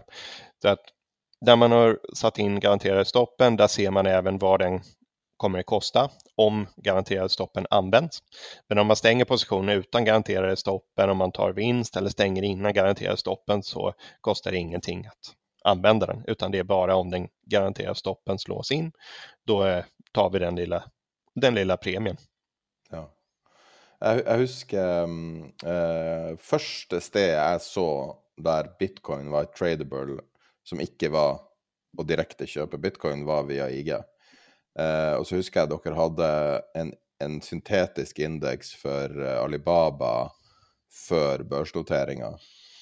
Eh, jeg liker litt de stuntene dere gjør, fordi at pga. at dere bruker CFD, så kan dere jo gjøre stunt med andre underliggende. Så dere kan jo absorbere en del av risken sjøl. Uh, gjør dere sånne ting fortsatt? Absolut, och eh, en av våra mest populära produkter. Vi försöker alltid innovera, komma med nya produkter som du säger, IPOs. Eh, något vi gör för traders är att många produkter eh, handlas via terminer och då måste man lära sig hur futures rullas, eh, hur de prissätts, hur priserna justeras varje dag beroende på carry till exempel. Eh, då bygger vi cashprodukter så vi bygger ett spotpris. Vad, skulle, vad är dagspriset för den här underligganden? Eh, och de priserna har vi väldigt tajta spreadar på, mycket tajtare än vad det är på futures-kontrakten. Man får betala en liten ränta över natten, men medan man handlar under dagen eh, så är det till betydligt tajtare spreadar. Eh, och det här är för just våra traders som aktivt vill hoppa in och ur positioner flera gånger per dag. Ehm, så är det mycket, mycket bättre för dem att ha de här tajtare spreadarna än vad Futures kan erbjuda. Så det är också ett sätt som vi innoverar och erbjuder riktigt bra produkter för traders. Jeg må si at det er veldig appellerende. Jeg sitter nå mens vi snakker, så sitter jeg bare og klikker rundt på forskjellige ting. Og jeg får lyst til å trade med en gang jeg ser. Sånn at hva enn dere har gjort her, så har det funka. uh, og, og, det at du så lett kan bytte mellom asset så er veldig appellerende, så jeg må si det. Og um, ja, nei, det, det, her er Og det er nettopp det at, at IG liksom jeg, jeg, føler at IG det, det jeg alltid har likt, er at dere vet litt hvem dere er. Eh, og, og, dere er på en måte så bra man kan være med CFD-er. Man vet at det fins futures, og det fins opsjonsmeglere direkte, og det fins Mens det er Altså, for å uttrykke en trade, så klarer du helt fint å uttrykke det aller, aller meste her. Og det er det, er det som betyr noe. Og Dogecoin. Man kan kjøpe Dogecoin. Mm. Der får du ikke giring, får du det? Uh, jo, det har jeg to ganger på Dodge. Den, den har du seg. Anbefaler du folk å kjøpe Dogecoin med giring? Den, uh, får man håndtere risken selv. Ja, men, jeg har faktisk ge en del viktiga tips och funderingar eh, för att förstå giring. För att giring innebär mer risk. Så det är jätteviktigt att förstå giring. Eh, och det första man ska tänka med giring, det är inte hur mycket kan jag göra? Utan hur mycket vill jag göra? Fundera på hur stor position vill jag ha? och inte hur stor kan jag ha. Eh, och där är det viktigt att se i deal-ticketen när man ska göra en affär. Där kan man ju få hjälp att se hur stor är den här affären? Är det en risk jag vill, är bekväm med och som stämmer i min plan? Eh, det andra som är nyttigt också, det är att börja följa flera marknader, för du får ganska många intressanta insikter. Tittar du bara på ett index, säg att du bara handlar Nasdaq och den går ner, om du tittar på fler marknader samtidigt, till exempel, säg att du kollar på guld också. Om guld går upp Nasdaq går ner så är det ju ganska sannolikt att det här är ju för att det är ett risk-off-scenario där det händer någonting negativt i världen och pengar flyttas från index till att köpa tryggare guldet. I andra fall så går Nasdaq ner och guld går ner det kan vara drivet snarare av att alla investerare är så pass rädda att de vill bara stänga alla positioner de har. Det spelar ingen roll att guld är ofta sedd som en risk-off, en risk-hedge, utan här handlar det bara om att plocka ut alla pengar från allt. Mm. Och det är två helt olika rörelser i Nasdaq. Men det ser du bara när du börjar följa andra marknader. Eh, så att lär, traders lär sig väldigt mycket av att titta på många marknader samtidigt. Og et marked veldig mange ser på, er jo obligasjoner nå. Mm. Og for en vanlig um, kunde i et norsk meglerhus, så, så vidt jeg vet, er det vanskelig å få noe særlig eksponering for Altså f.eks. hvis du har lyst til å trade den uh, italienske, tyske spreaden, som er mange Jeg vil gjette at ganske overraskende mange er interessert i det. Mm. Uh, men teknisk å gjennomføre det er vanskelig. Men her kan du gjøre det. Jeg ser det nå. Jeg visste ikke at dere hadde, at dere hadde alle mulige slags statsobligasjoner. Vi har eh, framförallt alla de stora tioåringarna i USA och Europa. Ja, og altså mange forskjellige durasjoner. Tysk, italiensk, du har japansk, amerikansk, fransk. Uh, den eksponeringa der er jo ikke så lett å få for en average Joe. Uh, jeg begynner å tro det her IG er inne på noe. Jeg må si at det er veldig altså Sånn som markedet er nå, så er det jo veldig appellerende med, med den, eh, den, fleksibiliteten, da. Fordi at ting er jo Altså, det er jo så mye rare ting som blir det, er, så, det er så mye rente å finne på, på sånne obskure markeder. Jeg tenker på Lumber, f.eks. I, eh, i 2020, hvor altså det markedet som ingen fulgte, plutselig ble utrolig hett trading är otroligt fascinerande och intressant. Det är, det är ju bland de, nu använder jag svenska ordet roligt, men det är bland de mest intressanta och emotionella hobbyerna, intressena eller professionerna man kan ha.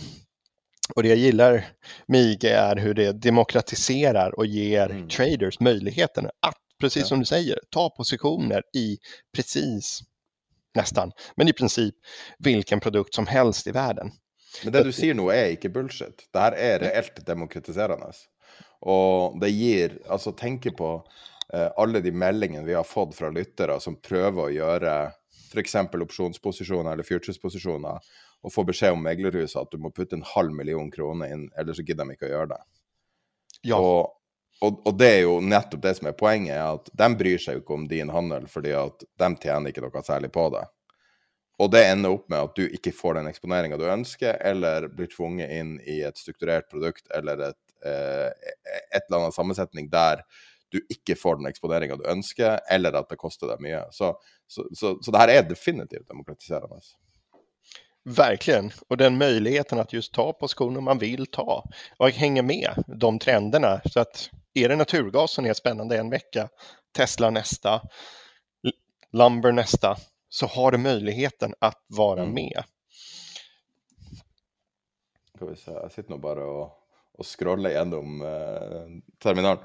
Får, det, er lenge siden jeg har sittet med IG nå, og det er jo helt bevisst at jeg kom inn litt, litt ferskt. Men eh, uh, bare å sitte og klikke rundt på, på terminalen er nok for å selge meg. Också en del av demokratiseringen av det är att kunna hantera risk och att kunna ta de här positionerna man vill ha i en liten storlek. Så man kan ta det efter det, den positionen som passar en, inte att man tvingas in att minsta kontrakten är extremt stora, utan att här kan man ta positioner med väldigt liten storlek. Eh, och utan en avgiftsstruktur med stora, låga, eller stora fasta courtage, utan de flesta av produkterna, eh, förutom aktier, är det bara spreaden som är kostnaden för att öppna och stänga positionen. Så att de är inte byggda på courtage utöver spreaden. När man öppnar ett konto med IG, ett första steg är också möjligheten att öppna ett demokonto. Och det är väldigt bra att göra just för att komma igång i tradingen, men också för att bli bekväm med plattformen, positionerna, garanterade stoppar, lägga ordrar. Om man vill ta en position med en viss nivå kan man lägga in en order att köpa när marknaden kommer ner och det redan från början ha stop loss och take profit. Ehm, det är väldigt bra med demokonto, att man kan börja träna och öva och bli erfaren med kontot mm. redan innan man handlar. Det är också ett bra sätt att testa nya strategier. Um, Hvordan er det du eh, kommuniserer med, med mm, kundene? Er det nyhetsbrev, eller hvordan er det? Till vardags pratar jag egentligen bara med våra största kunder eh, och pratar just om hur de kan bli bättre traders, de vanor som de riktigt duktiga traders har, hur de tänker, psykologi, riskhantering. Eh, men jag har börjat nyligen på min Twitter, det heter Jojo Trader. Där lägger jag upp varje vecka videon på just de här temana. Hur får jag bättre självdisciplin? Hur hanterar jag och får bättre tålamod? Och dela med av de här knepen och praktiska exempel på hur riktigt duktiga traders agerar och hur de har utvecklats. Så där får ni gärna följa mig och få nya tips och ställ frågor. Ehm, men tusen takk for eh, samtalen. Det her var ypperlig. Det var uh, avslutninga av vårt sponsa innslag. Vi har jo de her sponsa intervjuene der, der selskapet betaler for tida, men at samtalen er ekte. Så mm, det var det, og nå går vi tilbake til vanlige episoder. Nesten på tide å switche til, uh, til FTX. Ja. Um, jeg, jeg har lyst til å spille et klipp til deg. Ehm, som jeg satt sammen i Eller uh, har bare henta fram et gammelt klipp fra, fra litt tidligere i år. Som jeg henta fram til deg. where do you start? You start with a company that builds a box. And in practice, this box, they probably dress it up to look like a life changing, you know, world altering protocol that's going to replace all the big banks in 38 days or whatever. Maybe for now, actually ignore what it does or pretend it does literally nothing. It's just a box. And then this protocol issues a token. We'll call it whatever, X token.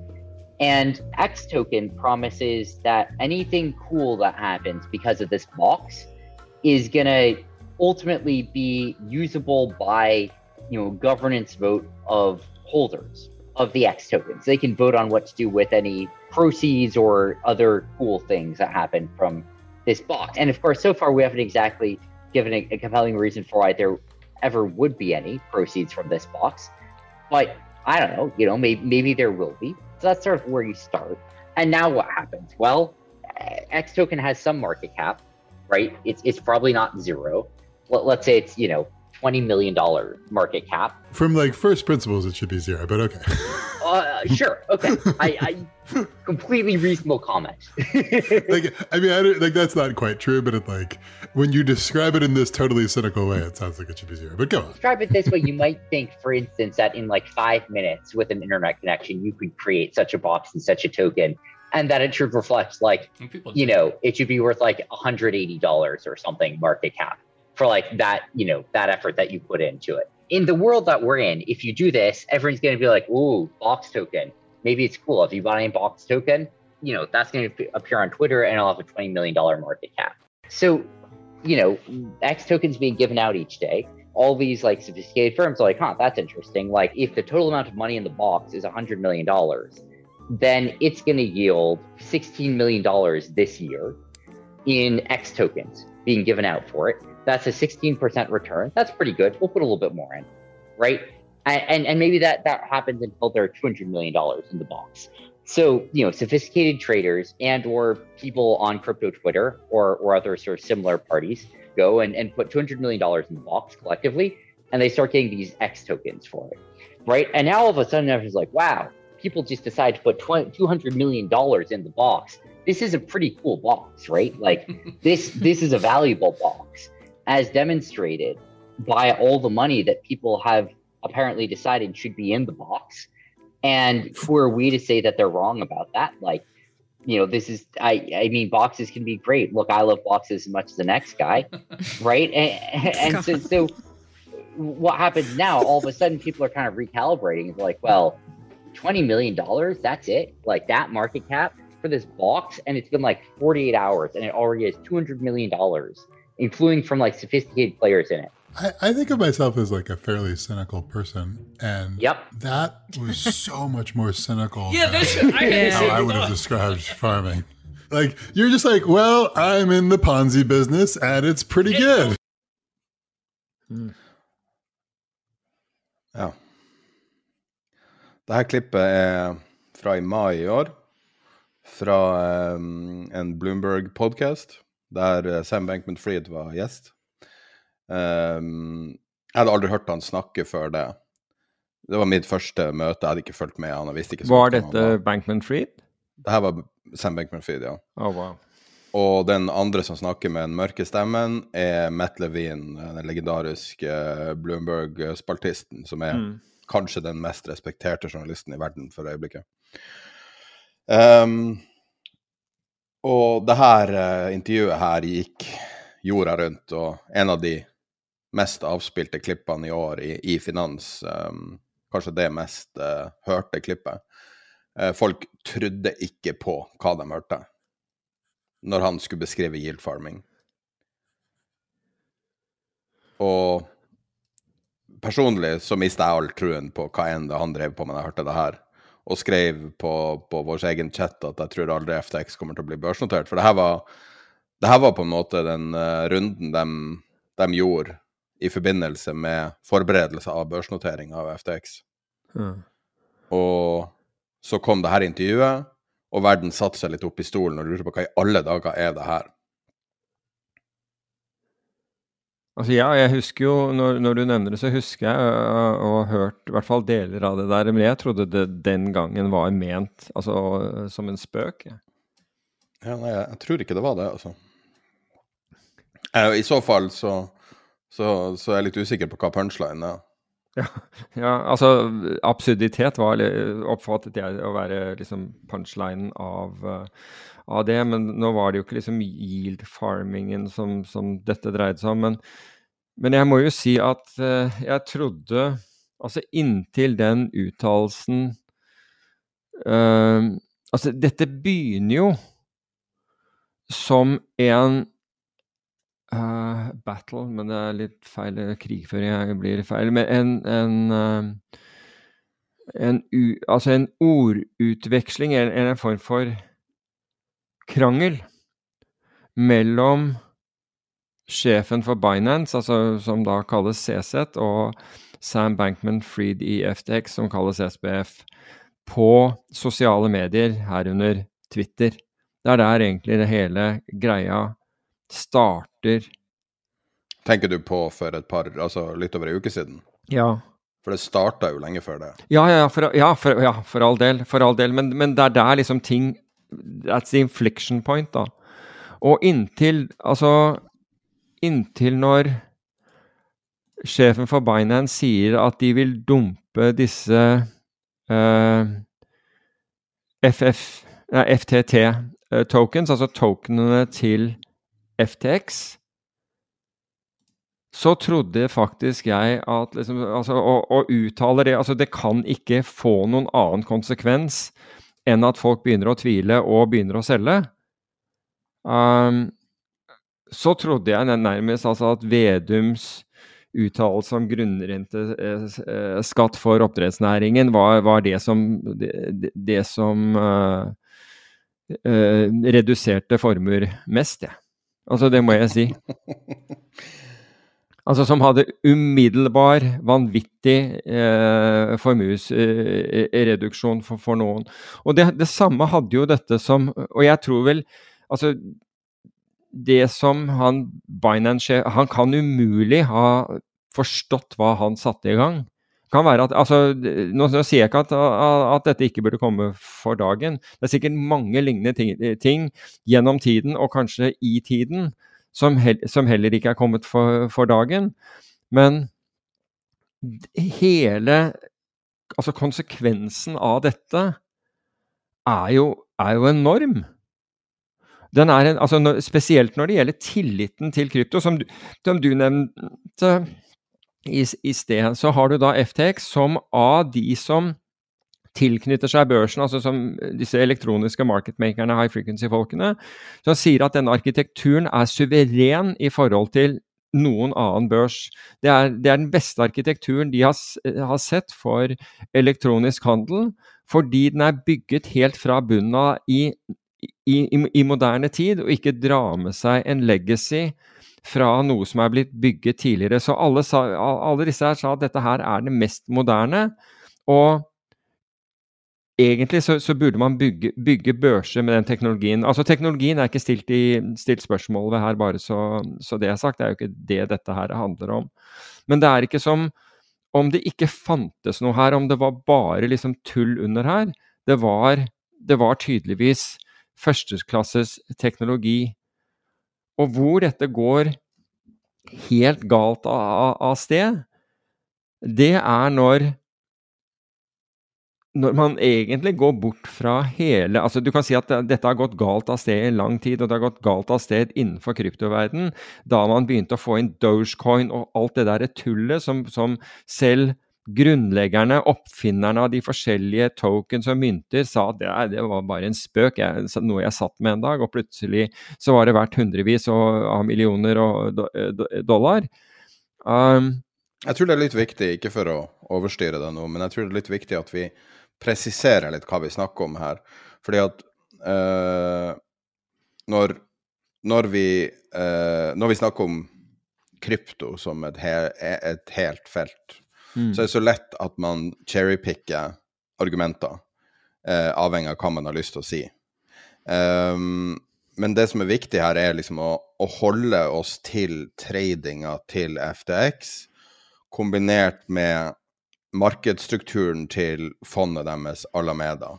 Jeg tror det er det som er uh, sakens kjerne her. Det tror jeg Så, også, men, men, historikken var jo at Og ikke blande inn ting som Dogecoin eller nei, Shiba Inu. Nei, men hvis for det er en helt annen sak. på en måte. Det er helt enig i en annen sak, men hvis du tar historikken, altså hvor dette egentlig kom fra, fra 2008, fra, fra uh, Satoshi Nakamoto, så var det jo å desentralisere finans. Nettopp fordi sentralisert finans mente da vedkommende, eller de som sto bak bitcoin opprinnelig, hadde, var, var fallitt. Det hadde vist under, under finanskrisen. Mens her mens etter hvert så har man nesten gjort det, det motsatte, fordi man har i stedet sentralisert krypto.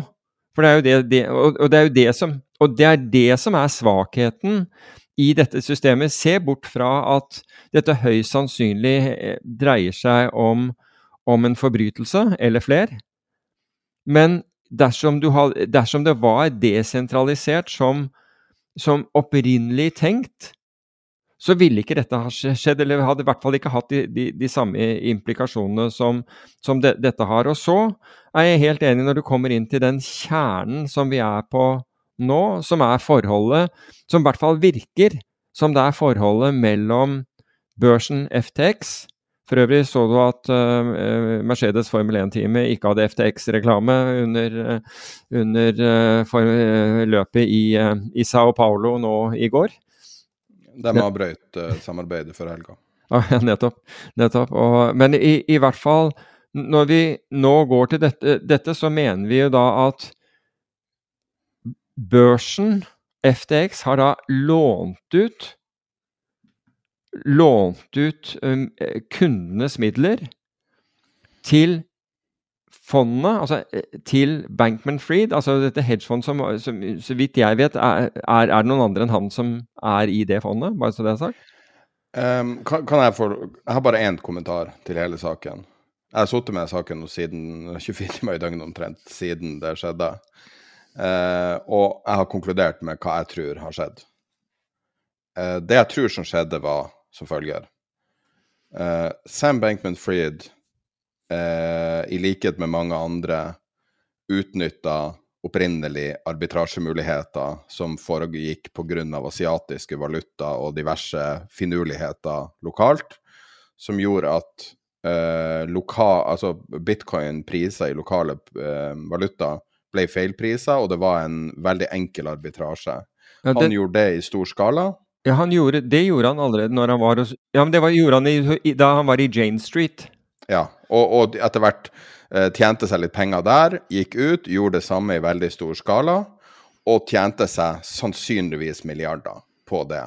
Og det tror jeg ingen, eh, ingen tvil om at han gjorde det, og, og det er en klassisk arbitrasje. Eh, og det er i anførselstegn ganske lett, fordi at du, du tar i realiteten i praksis ingen risiko. Um, ikke så eller, lenge du hedger den med, med, med, valutaen, som var, var, det han gjorde. Han hedget ja. dollar igjen. Og, og, så sitter han der med cashen. Og så tror jeg at han eh, ønska å fortsette med det her og hadde store ambisjoner, og stifta eh, FTX Altså, hans trading ble til Alameda, og han stifta FTX. Det som har vært spekulert i, er om FTX er stifta utelukkende for å gi si, kredittlinje til Alameda. Det er en spekulasjon. Men det jeg tror som skjedde, var markedet fortsatte å stige. Det var fortsatt relativt lett å tjene penger. Fordi at det, ting bare steig og steig og steig. Pengetrykking, whatever. Samme hva som er årsaken til at det steig. Bitcoin-prisen steig, alt steig, alle ble rike. Og så snur markedet. Og så er det plutselig det han trodde, og det de snakka i offentlighet om, var så lett, og at, at eh, liksom De snakker veldig omtrentlig om trading, som om det er en person som ikke har vært ute i vinternatt og, og slitt med å få ting til å gå rundt. Og så tror jeg de måtte ta grep som var progressivt mer og mer umoralsk, eh, og etter hvert mer og mer ulovlig. Eh, litt sånn som skjedde med Bernie Madoff. Bernie Madoff var jo, det var jo én dag. Det var jo um, 1987 det var jo da det snudde for Bernie Madoff. Før det så var han jo en legitim operatør. Og så er det det at du får den der lille motstand, og så tenker du nei, jeg bare skyver det litt foran meg, jeg kan bruke kredittlinjen til FTX. Og så etter hvert så ble det sånn at når noen putter én million kroner inn i FTX, så får Alameda én million kroner i kredittlinje. Det var sånn de opererte til slutt. Uh, sånn som banker kunne være før Glass-Steagall, f.eks. Uh, altså, det her er på en måte et gammeldags triks. Og så var det bare et tidsspørsmål før det her eksploderte. Sånn som Bernie Madoff. Du klarer bare å holde mot tidevannet så lenge når markedet går mot deg. Altså, Bernie Madoff falt under et dårlig marked. Det her falt i et dårlig marked. Altså, det er min Altså, Bernie Madoff øh, gjorde jo ikke handlene han sa han gjorde. De handlene ble ikke gjort, og, og, det ble jo Nå husker jeg ikke hva han revisoren, øh, nerdete revisoren heter, som, var, som, som vitnet i den Bernie Madoff-saken. Ja, med det greske navnet? Ja, det, ja, jeg mener det. Og som gikk til SEC. Og han hadde vært hos SEC flere eh, Marco, Marco Polis, ja. et eller annet jeg tror han heter. Han oppdaget jo at volumet, altså når det gjaldt Madoff, at volumet som Fordi han hadde, eh, han hadde en klient som hadde penger hos Madoff. Og da oppdaget han, når han ettergikk det, at, de, at det, den, eh, den statementen, hva heter det, altså de, den sluttsedlene som kunden uh, til Madoff fikk, ikke stemte overens med volumet som var gjort på børsen. Fordi uh, ifølge den sluttcellen som kunden uh, mottok, så hadde han gjort fire-fem ganger så mye i en, i en, opsjon som det var omsatt på, på, på børsen. Harry Markopolis, mener jeg, mener jeg fyren heter. Men i hvert fall Var det ikke det? Marco Polos. Mar Marco Polos. Ok, men i hvert fall uh, Mens Altså, det som er med denne Altså, jeg, jeg tror at han jeg, Altså, i det øyeblikket Den type arbitrasje som, som uh, Sam Bankman-Fried hadde levd av, den blir borte, eller den blir, blir, i hvert fall mindre til den blir borte, ved at systemer blir mer effektive. Altså infrastrukturen forbedres, så forsvinner de. For det han ganske enkelt gjorde, han oppdaget at japanerne, japanske investorer var villige til å betale mer for bitcoin enn altså en, en, en amerikanere, rett og slett. Så, de, så bitcoin uh, solgt i japanske yen tradet høyere enn bitcoin solgt i amerikanske dollar. Så det han gjorde, var at han, han solgte bitcoin i japanske eh, yen, og så kjøpte det i, eh, i, i, dollar, og så gjorde han dollar-yen-transaksjonen for å ta bort valutarisikoen og, og, og rett og slett um, uh, realisere differansen, altså realisere gevinsten. Sånn var det han holdt på. Men samtidig, og han bygger jo selv ut altså en, en børs som er, som er da så teknologisk avansert at, at det, det, i seg selv altså det, det ville være som å skyte seg selv i foten, rett og slett, hvis du fortsatte med det samme. Så jeg tror at her må, må han ha gjort noen veldig andre ting enn det han det han begynte å gjøre.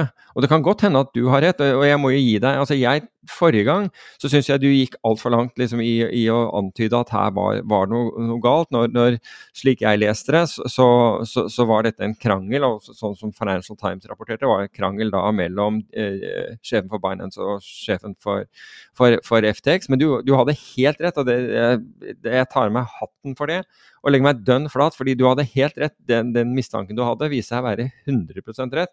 Så kudos, uh, kudos for den. Men altså, akkurat hva som ble gjort her Men når, når du ser de, Men er det så farlig hva som ble gjort? Nei, egentlig ikke. fordi altså, hvis, det er, hvis, det er, eh, ulovligheter, så er det ulovligheter. Og, men, hvis, men det, det, er et par eh, interessante ting. og Det ene er at man snakker om at, at uh, FTX har, har ca. 900 millioner dollar, og så har de da uh, mens, uh, mens, de har liabilities for, for, for 9 milliarder dollar. Uh, og det er klart at der er det et visst misforhold. Det er, men det er ikke et misforhold som ikke står i samsvar med akkurat det samme som bankene hadde i 2008. Nei, og bankene gikk jo nesten under. Nettopp, men de ble reddet, ikke sant? Nettopp, og, og, men, mens, mens, bankene blir reddet. Men det er på en måte her, det er her vi kommer til stridens kjerne, som vi har snakka om de siste året, to, tre, fire, fem årene. Som er hva er utilityen i krypto? Og så, man, så, er man på jakt etter det, og så er det det siste året så har veldig mye av de tingene som har vært utility, vist seg å kanskje ikke være så positivt, og til syvende og sist så koker alt ned i mer spekulering i mer forskjellige ymse kryptoting. Mm. Men problemet er at det har ingen utility, og det har ingen samfunnsviktighet. Så det er ingen som er interessert i å baile ut noen. Og når du ser hvordan de har håndtert det vanvittige ansvaret som er å forvalte andre sine penger, hvordan de har håndtert det som det var en vits, altså hvordan de har håndtert mm. alt som en vits, og det er det som har alltid irritert meg med, med, diverse andre næringslivsledere som er profilert, så er det at de ikke tar det på alvor, fordi at det er så vanskelig å drive business. Mm. Og bare fordi at du tilfeldigvis har drevet business mens masse penger blir trykka, som har, har ført til en eller annen tilfeldighet som gjør at du er steinrik, så betyr ikke det at du er et geni for å drive business, for å gå med overskudd, er noe av det vanskeligste man kan gjøre. Og når du da ser at uh, eh, FTX, når de skal hente penger i en av rundene, så priser de runden til uh, 420,69, så bare kom igjen. Altså, det her er sånne vitser du ser på Twitch, liksom. Altså, det her er jo ikke seriøse næringslivs, næringslivsledere. Og når du ser nå hun der Caroline, jeg tror, uh, jeg husker ikke etternavnet, hun som jobber i Alameda, noen kaller hun sjefen i Alameda og blitt antyda at kanskje kjæresten til Sam Bankman-Fried De har et eller annet bånd der, i hvert fall. Og når du ser hun snakke om deres egen drift For det første så høres hun ikke ut som hun vet hva hun snakker om. Bare sånn. Du, du, vet hva det vil si når folk har kompetanse. Hun høres ikke ut som hun har kompetanse. Og så sier hun at uh, hver dag er det noe nytt sinnssykt som skjer. Og så bare ja, ja, da må jeg forholde meg til det. Og så er det liksom ja, ja, er det her en coin, eller er det her en token? OK, ja, ja, da får vi bare Du hører at hun snakker om det her med samme type skepsis som en kryptoskeptiker. Det at hun tror ikke at det kan være mulig. Og det, og det er jo det som er at de har på en måte ikke skjønt at bare fordi at det var teknisk mulig å gjennomføre noe, betydde ikke at du burde gjøre det. Og da ender man opp med masse vitser som er verdt hundrevis av millioner dollar. Og så ser du nå på krypto.com f.eks., så ser du at en av deres største balanser, altså i totale holdingen deres, er Shiba Inu eh, tokens. Wow. Det er større enn Ethereum på deres eh, balance sheet. Og det er litt problematisk. Og uh, folk spår jo nå at uh, Crypto.com kanskje er på vei inn i en bankrun. Ja, altså, hvis du, hvis du ser litt på, på pengene her, da. Altså, en er at Uh, som sagt, du må ha vært en oppdrett, uh, oppdrettsmilliardær på, uh, på, på, Vestlandet for å ha tatt like stor prosent andel av, av formuen din som, som det Bankman Fried skal ha gjort på, på, kort sikt. Men beløpene her, altså Det, det er allerede Altså det at kryptomarkedet altså Det var interessant for øvrig det du puttet ut, at det var akkurat et år siden, uh, siden bitcoin uh, toppet ut. 11. 11. Eh, november. Men det har da to uh, To billioner dollar har, den, har blitt har, har det, dette spacet blitt redusert i, i verdi. Og i, i den perioden, altså siden, siden på, på, et år. Og denne her øker da dette, og anslagene stiger hele tiden. Siste jeg så var, var uh, 250 milliarder dollar. Betydningen av, av som, som, FTX nå har, har hatt som impact foreløpig på markedet. Altså, hvis, hvis, du, hvis, du, sa at det var 270 milliarder, da, fordi innen, innen, denne kommer ut, så er det sikkert kommet opp i 270 og kanskje 300, uh, eh, så er det det er, det er, tre måneder med kvantitative tightening, det.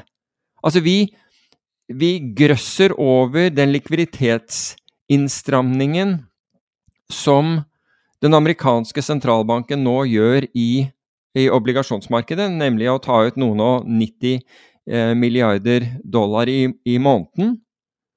Og her blir da tre ganger det borte på nærmest en weekend. Eller på en uke, om du vil.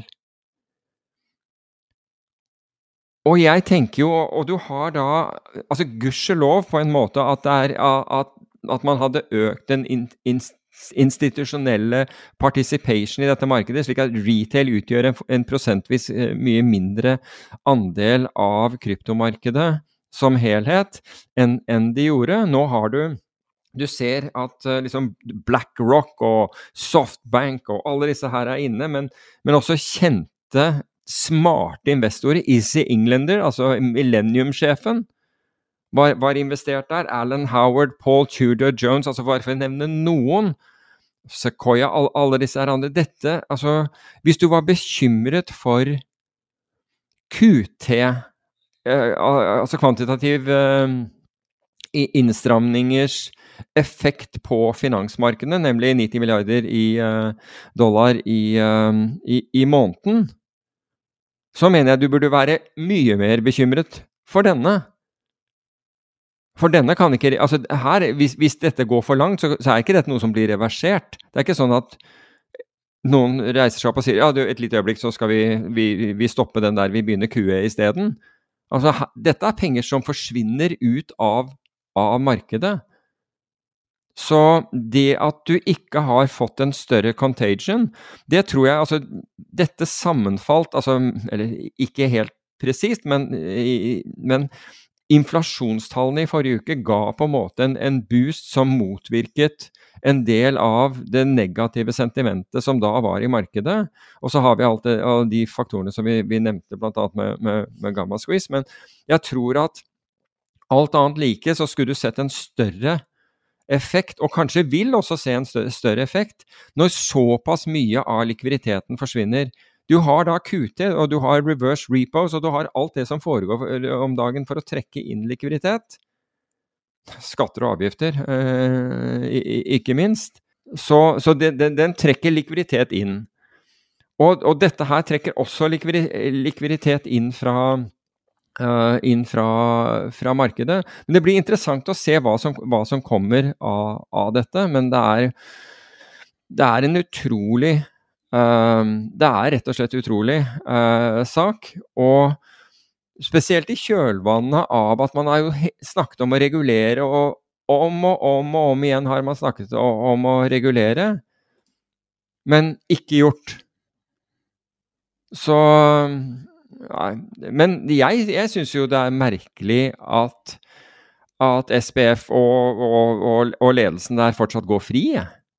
Han har jo flydd til Bahamas nå, da. Når Gud vet det. Jo, men han, han ble Spekuleres i at han skal til Argentina, men ja. Jo, men hvorfor har ikke Bahamian eh, eh, myndigheter arrestert ham? Fordi de De har, etters, de har forhørt han allerede. De har, ja, nettopp. De forhørte han nå i helgen, men jeg syns likevel at det, er, at det er merkelig. Men det, det er derfor det er Det kan være vanskelig Altså, vi har ikke fakta på den delen. Vi har en del Vi, vi vet en del ting, men det spekuleres fortsatt ekstremt ja. Men det er jo fordi at det blir håndtert på den måten det er gjort. Ja, ja, ja eh, for all del. For all del. Altså, har du sett, altså, den siste informasjonen fra Sam Bankman Fried er to tweets som han la ut. Har du sett det? Nei. For uh, åtte timer siden.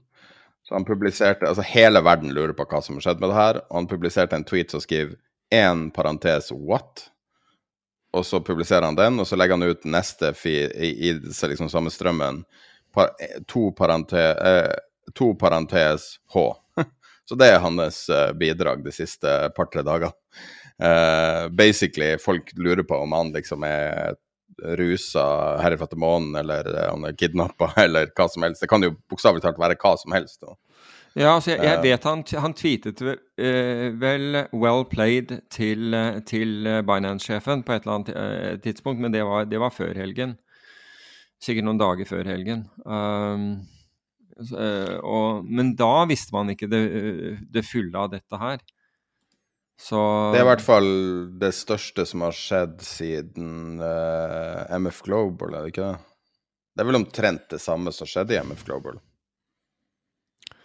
Uh, ja, det er hvor han uh, sjefen for uh, Corsine. ja. John Corsine, var ikke det? John Corsine som var ja. tidligere Goldman Sachs-administrerende. Og det var 42 milliarder, så det var ca. samme størrelsesorden som mm. her. og da husker jeg det var jo Da kokte, da kokte finans ordentlig. det er jo på en måte det samme. Ja, ja, absolutt. De, har jo bare, de bare stjålet penger og brukt det for å prøve å tjene penger for å betale det tilbake. Og, altså, det er liksom Det, er tales all this time, egentlig. Ja. Ehm, jeg kan jo disclose samtidig, og det er et, fond som jeg er investert i. De hadde, de hadde en 3 %-posisjon i, i FTX eh, som følge av at FTX hadde kjøpt et selskap av dem. Så så det, så, det, så det, fondet er garantert 3% mindre, for å si det mindre verdt. Men eh, det var heldigvis Altså, jeg fryktet at det var mye mer enn det, de hadde som, som, posisjon der, så jeg var veldig glad for de, de umiddelbart sendte ut posisjonen sin. Har det her endra ditt syn på krypto? Nei, altså du, du kan si at jeg ikke endret synet mitt på, på bitcoin og Ethereum. Det, det har det ikke. og men, men altså, det har endret synet mitt på den måten at jeg tror det tar, nå vil ta mye lengre tid før, noe, før man klarer å realisere noe her, og før man kommer noen, noen vei i dette, og for at tilliten skal bygges opp igjen til, eh, til uh, dette spacet, om du vil. Men ikke for å repetere meg selv, men og, og, og for å bare for å, for å, presisere, altså når dette tok av sånn at Musk skrev en eller annen tweet, og så gikk noe opp milliarder i verdi som, som bare var tull og, og sånt noe, så altså Allerede da så, så var man på, på, uh, på, på ville veier. Og, og, liksom det var Da var det på tide å begynne å redusere seg i, i dette, men uh, men jeg, jeg, tror at det, man har skadet dette dette, området betydelig med, med, denne saken. For den, dette er stort, og var noe som, som, så mange trodde på. Og Hvis du tenker deg, hvis du er institusjonell investor, så, så tar du kanskje en de fleste, altså Noen av de virkelig store tok jo store posisjoner, skal sies, men de fleste andre institusjoner ville jo ta en 1, 2 eller 3 kanskje eh, Eh, stake i et eller annet innenfor, kanskje totalt innenfor krypto. Fordi liksom 1% kunne bli til 10% og da er det meningsfullt. Mens hvis du taper den 1% så er det ikke the end of the world i forhold til, uh, i, i, forhold til pengene du er, uh, du er blitt entrusted to, um, uh, to manage. Um, men det er klart, når, når noe sånt som dette skjer, så vil jo veldig mange si at og, og, de som da ikke fikk med seg noe av denne kryptooppgangen, vil jo si at det var ikke det jeg sa. Men fryktelig mange som kanskje var på vei inn, vil si at reputational risk er altfor høy. Og hvis du tenker deg at du er en forvalter eller en custodian, så er det jo nettopp det du vil tenke. at Vet, du hva? Altså her er, Når noe sånt som, som dette skjer, så har du akkurat den unnskyldningen du trenger for å ikke anstrenge deg inn i dette spacet her over hodet, for du, du vil bare si 'se hva som skjedde'. Vi, eh, vi, vi, passer på å ikke risikere pengene dine på denne måten. Vi, eh, vi taper de mye heller 80% av pengene dine på, på Euronex Growth. Um, det var sagt med tongue in the cheek, men det er jo virkelig realitetene. Men så jeg tror at dette, at dette, dette er jo ikke et banesår for, eh, for, for krypto, men det, har, det, det, skyver det langt ut i tid. Altså. Det er ingen tvil om. Så det er en tragedie for, for Og det er en tragedie for bitcoin også, fordi folk har jo Altså, mange selger der de kan, og bitcoin har likviditet nok til, å, til at man, man, kommer seg ut. ikke sant? Og, og, så, så, da blir det at man selger det som er bra, og så blir sittende på det som, er, som er, er, dårlig. fordi det som er dårlig, har ikke noe pris og har ikke noe, noe kjøpere. Eh, det er jo ganske utrolig at av alle folk som er blanda inn i det her, så er selvfølgelig Michael Lewis midt oppi det, som alltid. Ja, det så jeg. Michael Lewis, den beste finansforfatteren som er omtrent. Han uh, har en tendens til å både være der det skjer, og, og ha en god nese for gode historier. Han har vært embedda med Sam Bankman-Fried i, i, seks måneder nå, og jobber med ei bok om FTX. Jeg kan tenke meg at han har en del storyer nå eh, til boka si, og den boka får vel litt annet Får vel litt annen uh, karakter, kan man si. Den eh, Ryktet at den skulle være, det skulle være en sånn David Goliat-historie der eh, FTX er liksom David, og, og CZ og, og Binance er Goliat. Ja. Eh, men denne historien er definitivt annerledes enn man trodde da, for når han starta for seks måneder siden. Ja, det, det, det, tror jeg også. Men jeg nå bare gleder meg Altså, han, han, får press på seg til å produsere den boken raskt, tror jeg. Uh, hvis han skal utnytte markedet, så, så, så bør han skrive fort. Uh, ja, det er helt utrolig. Ja, det, ja. Jeg tror kanskje han er min favorittforfatter. Eh, ikke langt unna, i hvert fall. Så hvis du ikke har lest noen Michael Lewis-bøker Jeg tror vi har en del på hjemmesida tiderpenger.no uh, skråstrek bokanbefalinger. Der har vi en liste over bøker du kan kjøpe direkte. Og jeg tror det er noen Michael Lewis-bøker der. Mm. Um, har du noen uh, tanker om det som skjedde i USA siste uke med valg? Nei, altså Jeg har jo personlige tanker, tanker om det, uh, men Er det det jeg mente. Ja, altså det uh, Altså etter, etter, min oppfatning så tyder dette på at det er vil være vanskeligere for Trump i hvert fall å, å, å komme tilbake. Altså dette, dette, gjør det i hvert fall ikke lettere for ham. Tror du han kommer til å annonsere i morgen at han skal bli presidentkandidat, som han har for, forskuttert?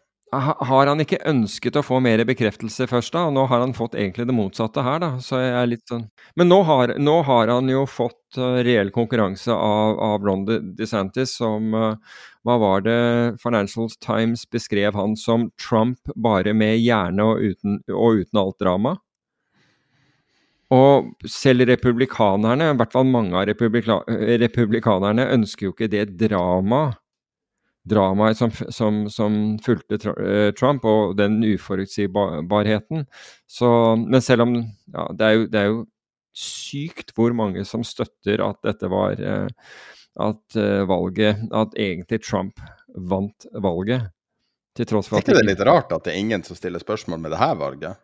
Av en eller annen grunn. Ja, det kommer jeg trodde det skulle være masse det, Ja, men jeg, gjorde ikke Trump da? Altså, Jeg mente at, at Trump sa det at hvis de ikke vant, så var Jeg syns jeg hørte han si det, at hvis ikke de vant, liksom gjorde en brakseier, så var det pga.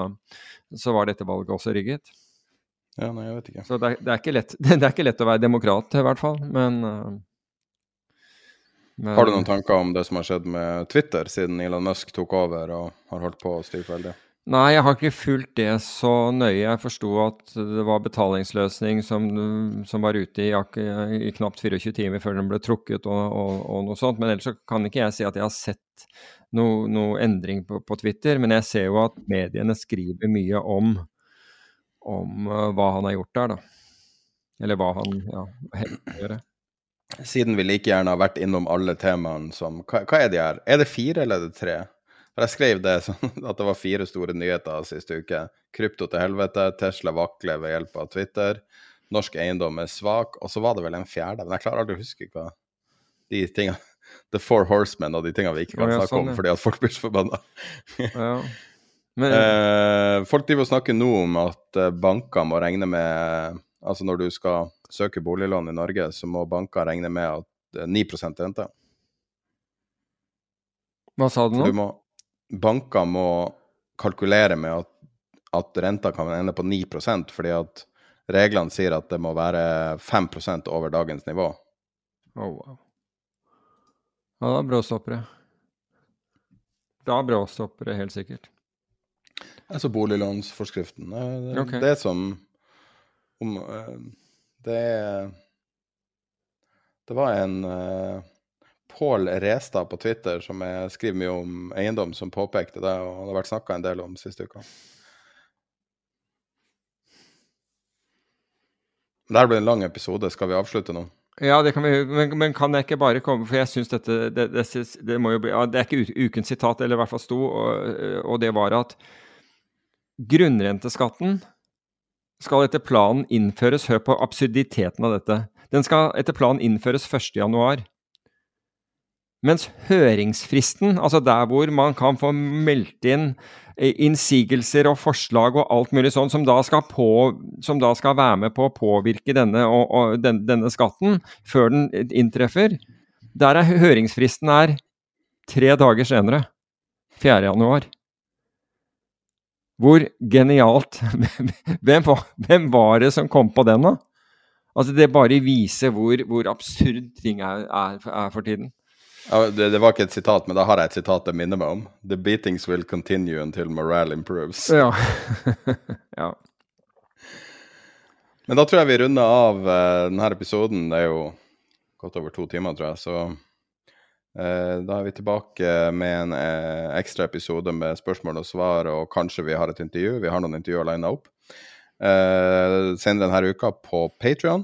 Vi sender også ut et nyhetsbrev. Vi har veldig mye ting vi ikke har tatt opp i dag, som kommer med i nyhetsbrevet, og veldig mye notater fra uka som gikk. Så hvis du abonnerer på tiderpenger.no nyhetsbrev, så får du eh, mye av de grafene vi har snakka om, og, og, linker, men også ting vi ikke rakk å ta opp. Men da er vi tilbake neste mandag med vanlig episode. Ha det bra. Ha en fin uke.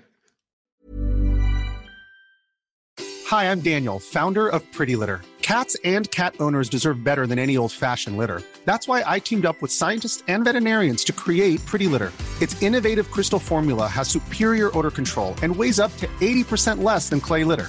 Pretty Litter even monitors health by changing colors to help detect early signs of potential illness. It's the world's smartest kitty litter.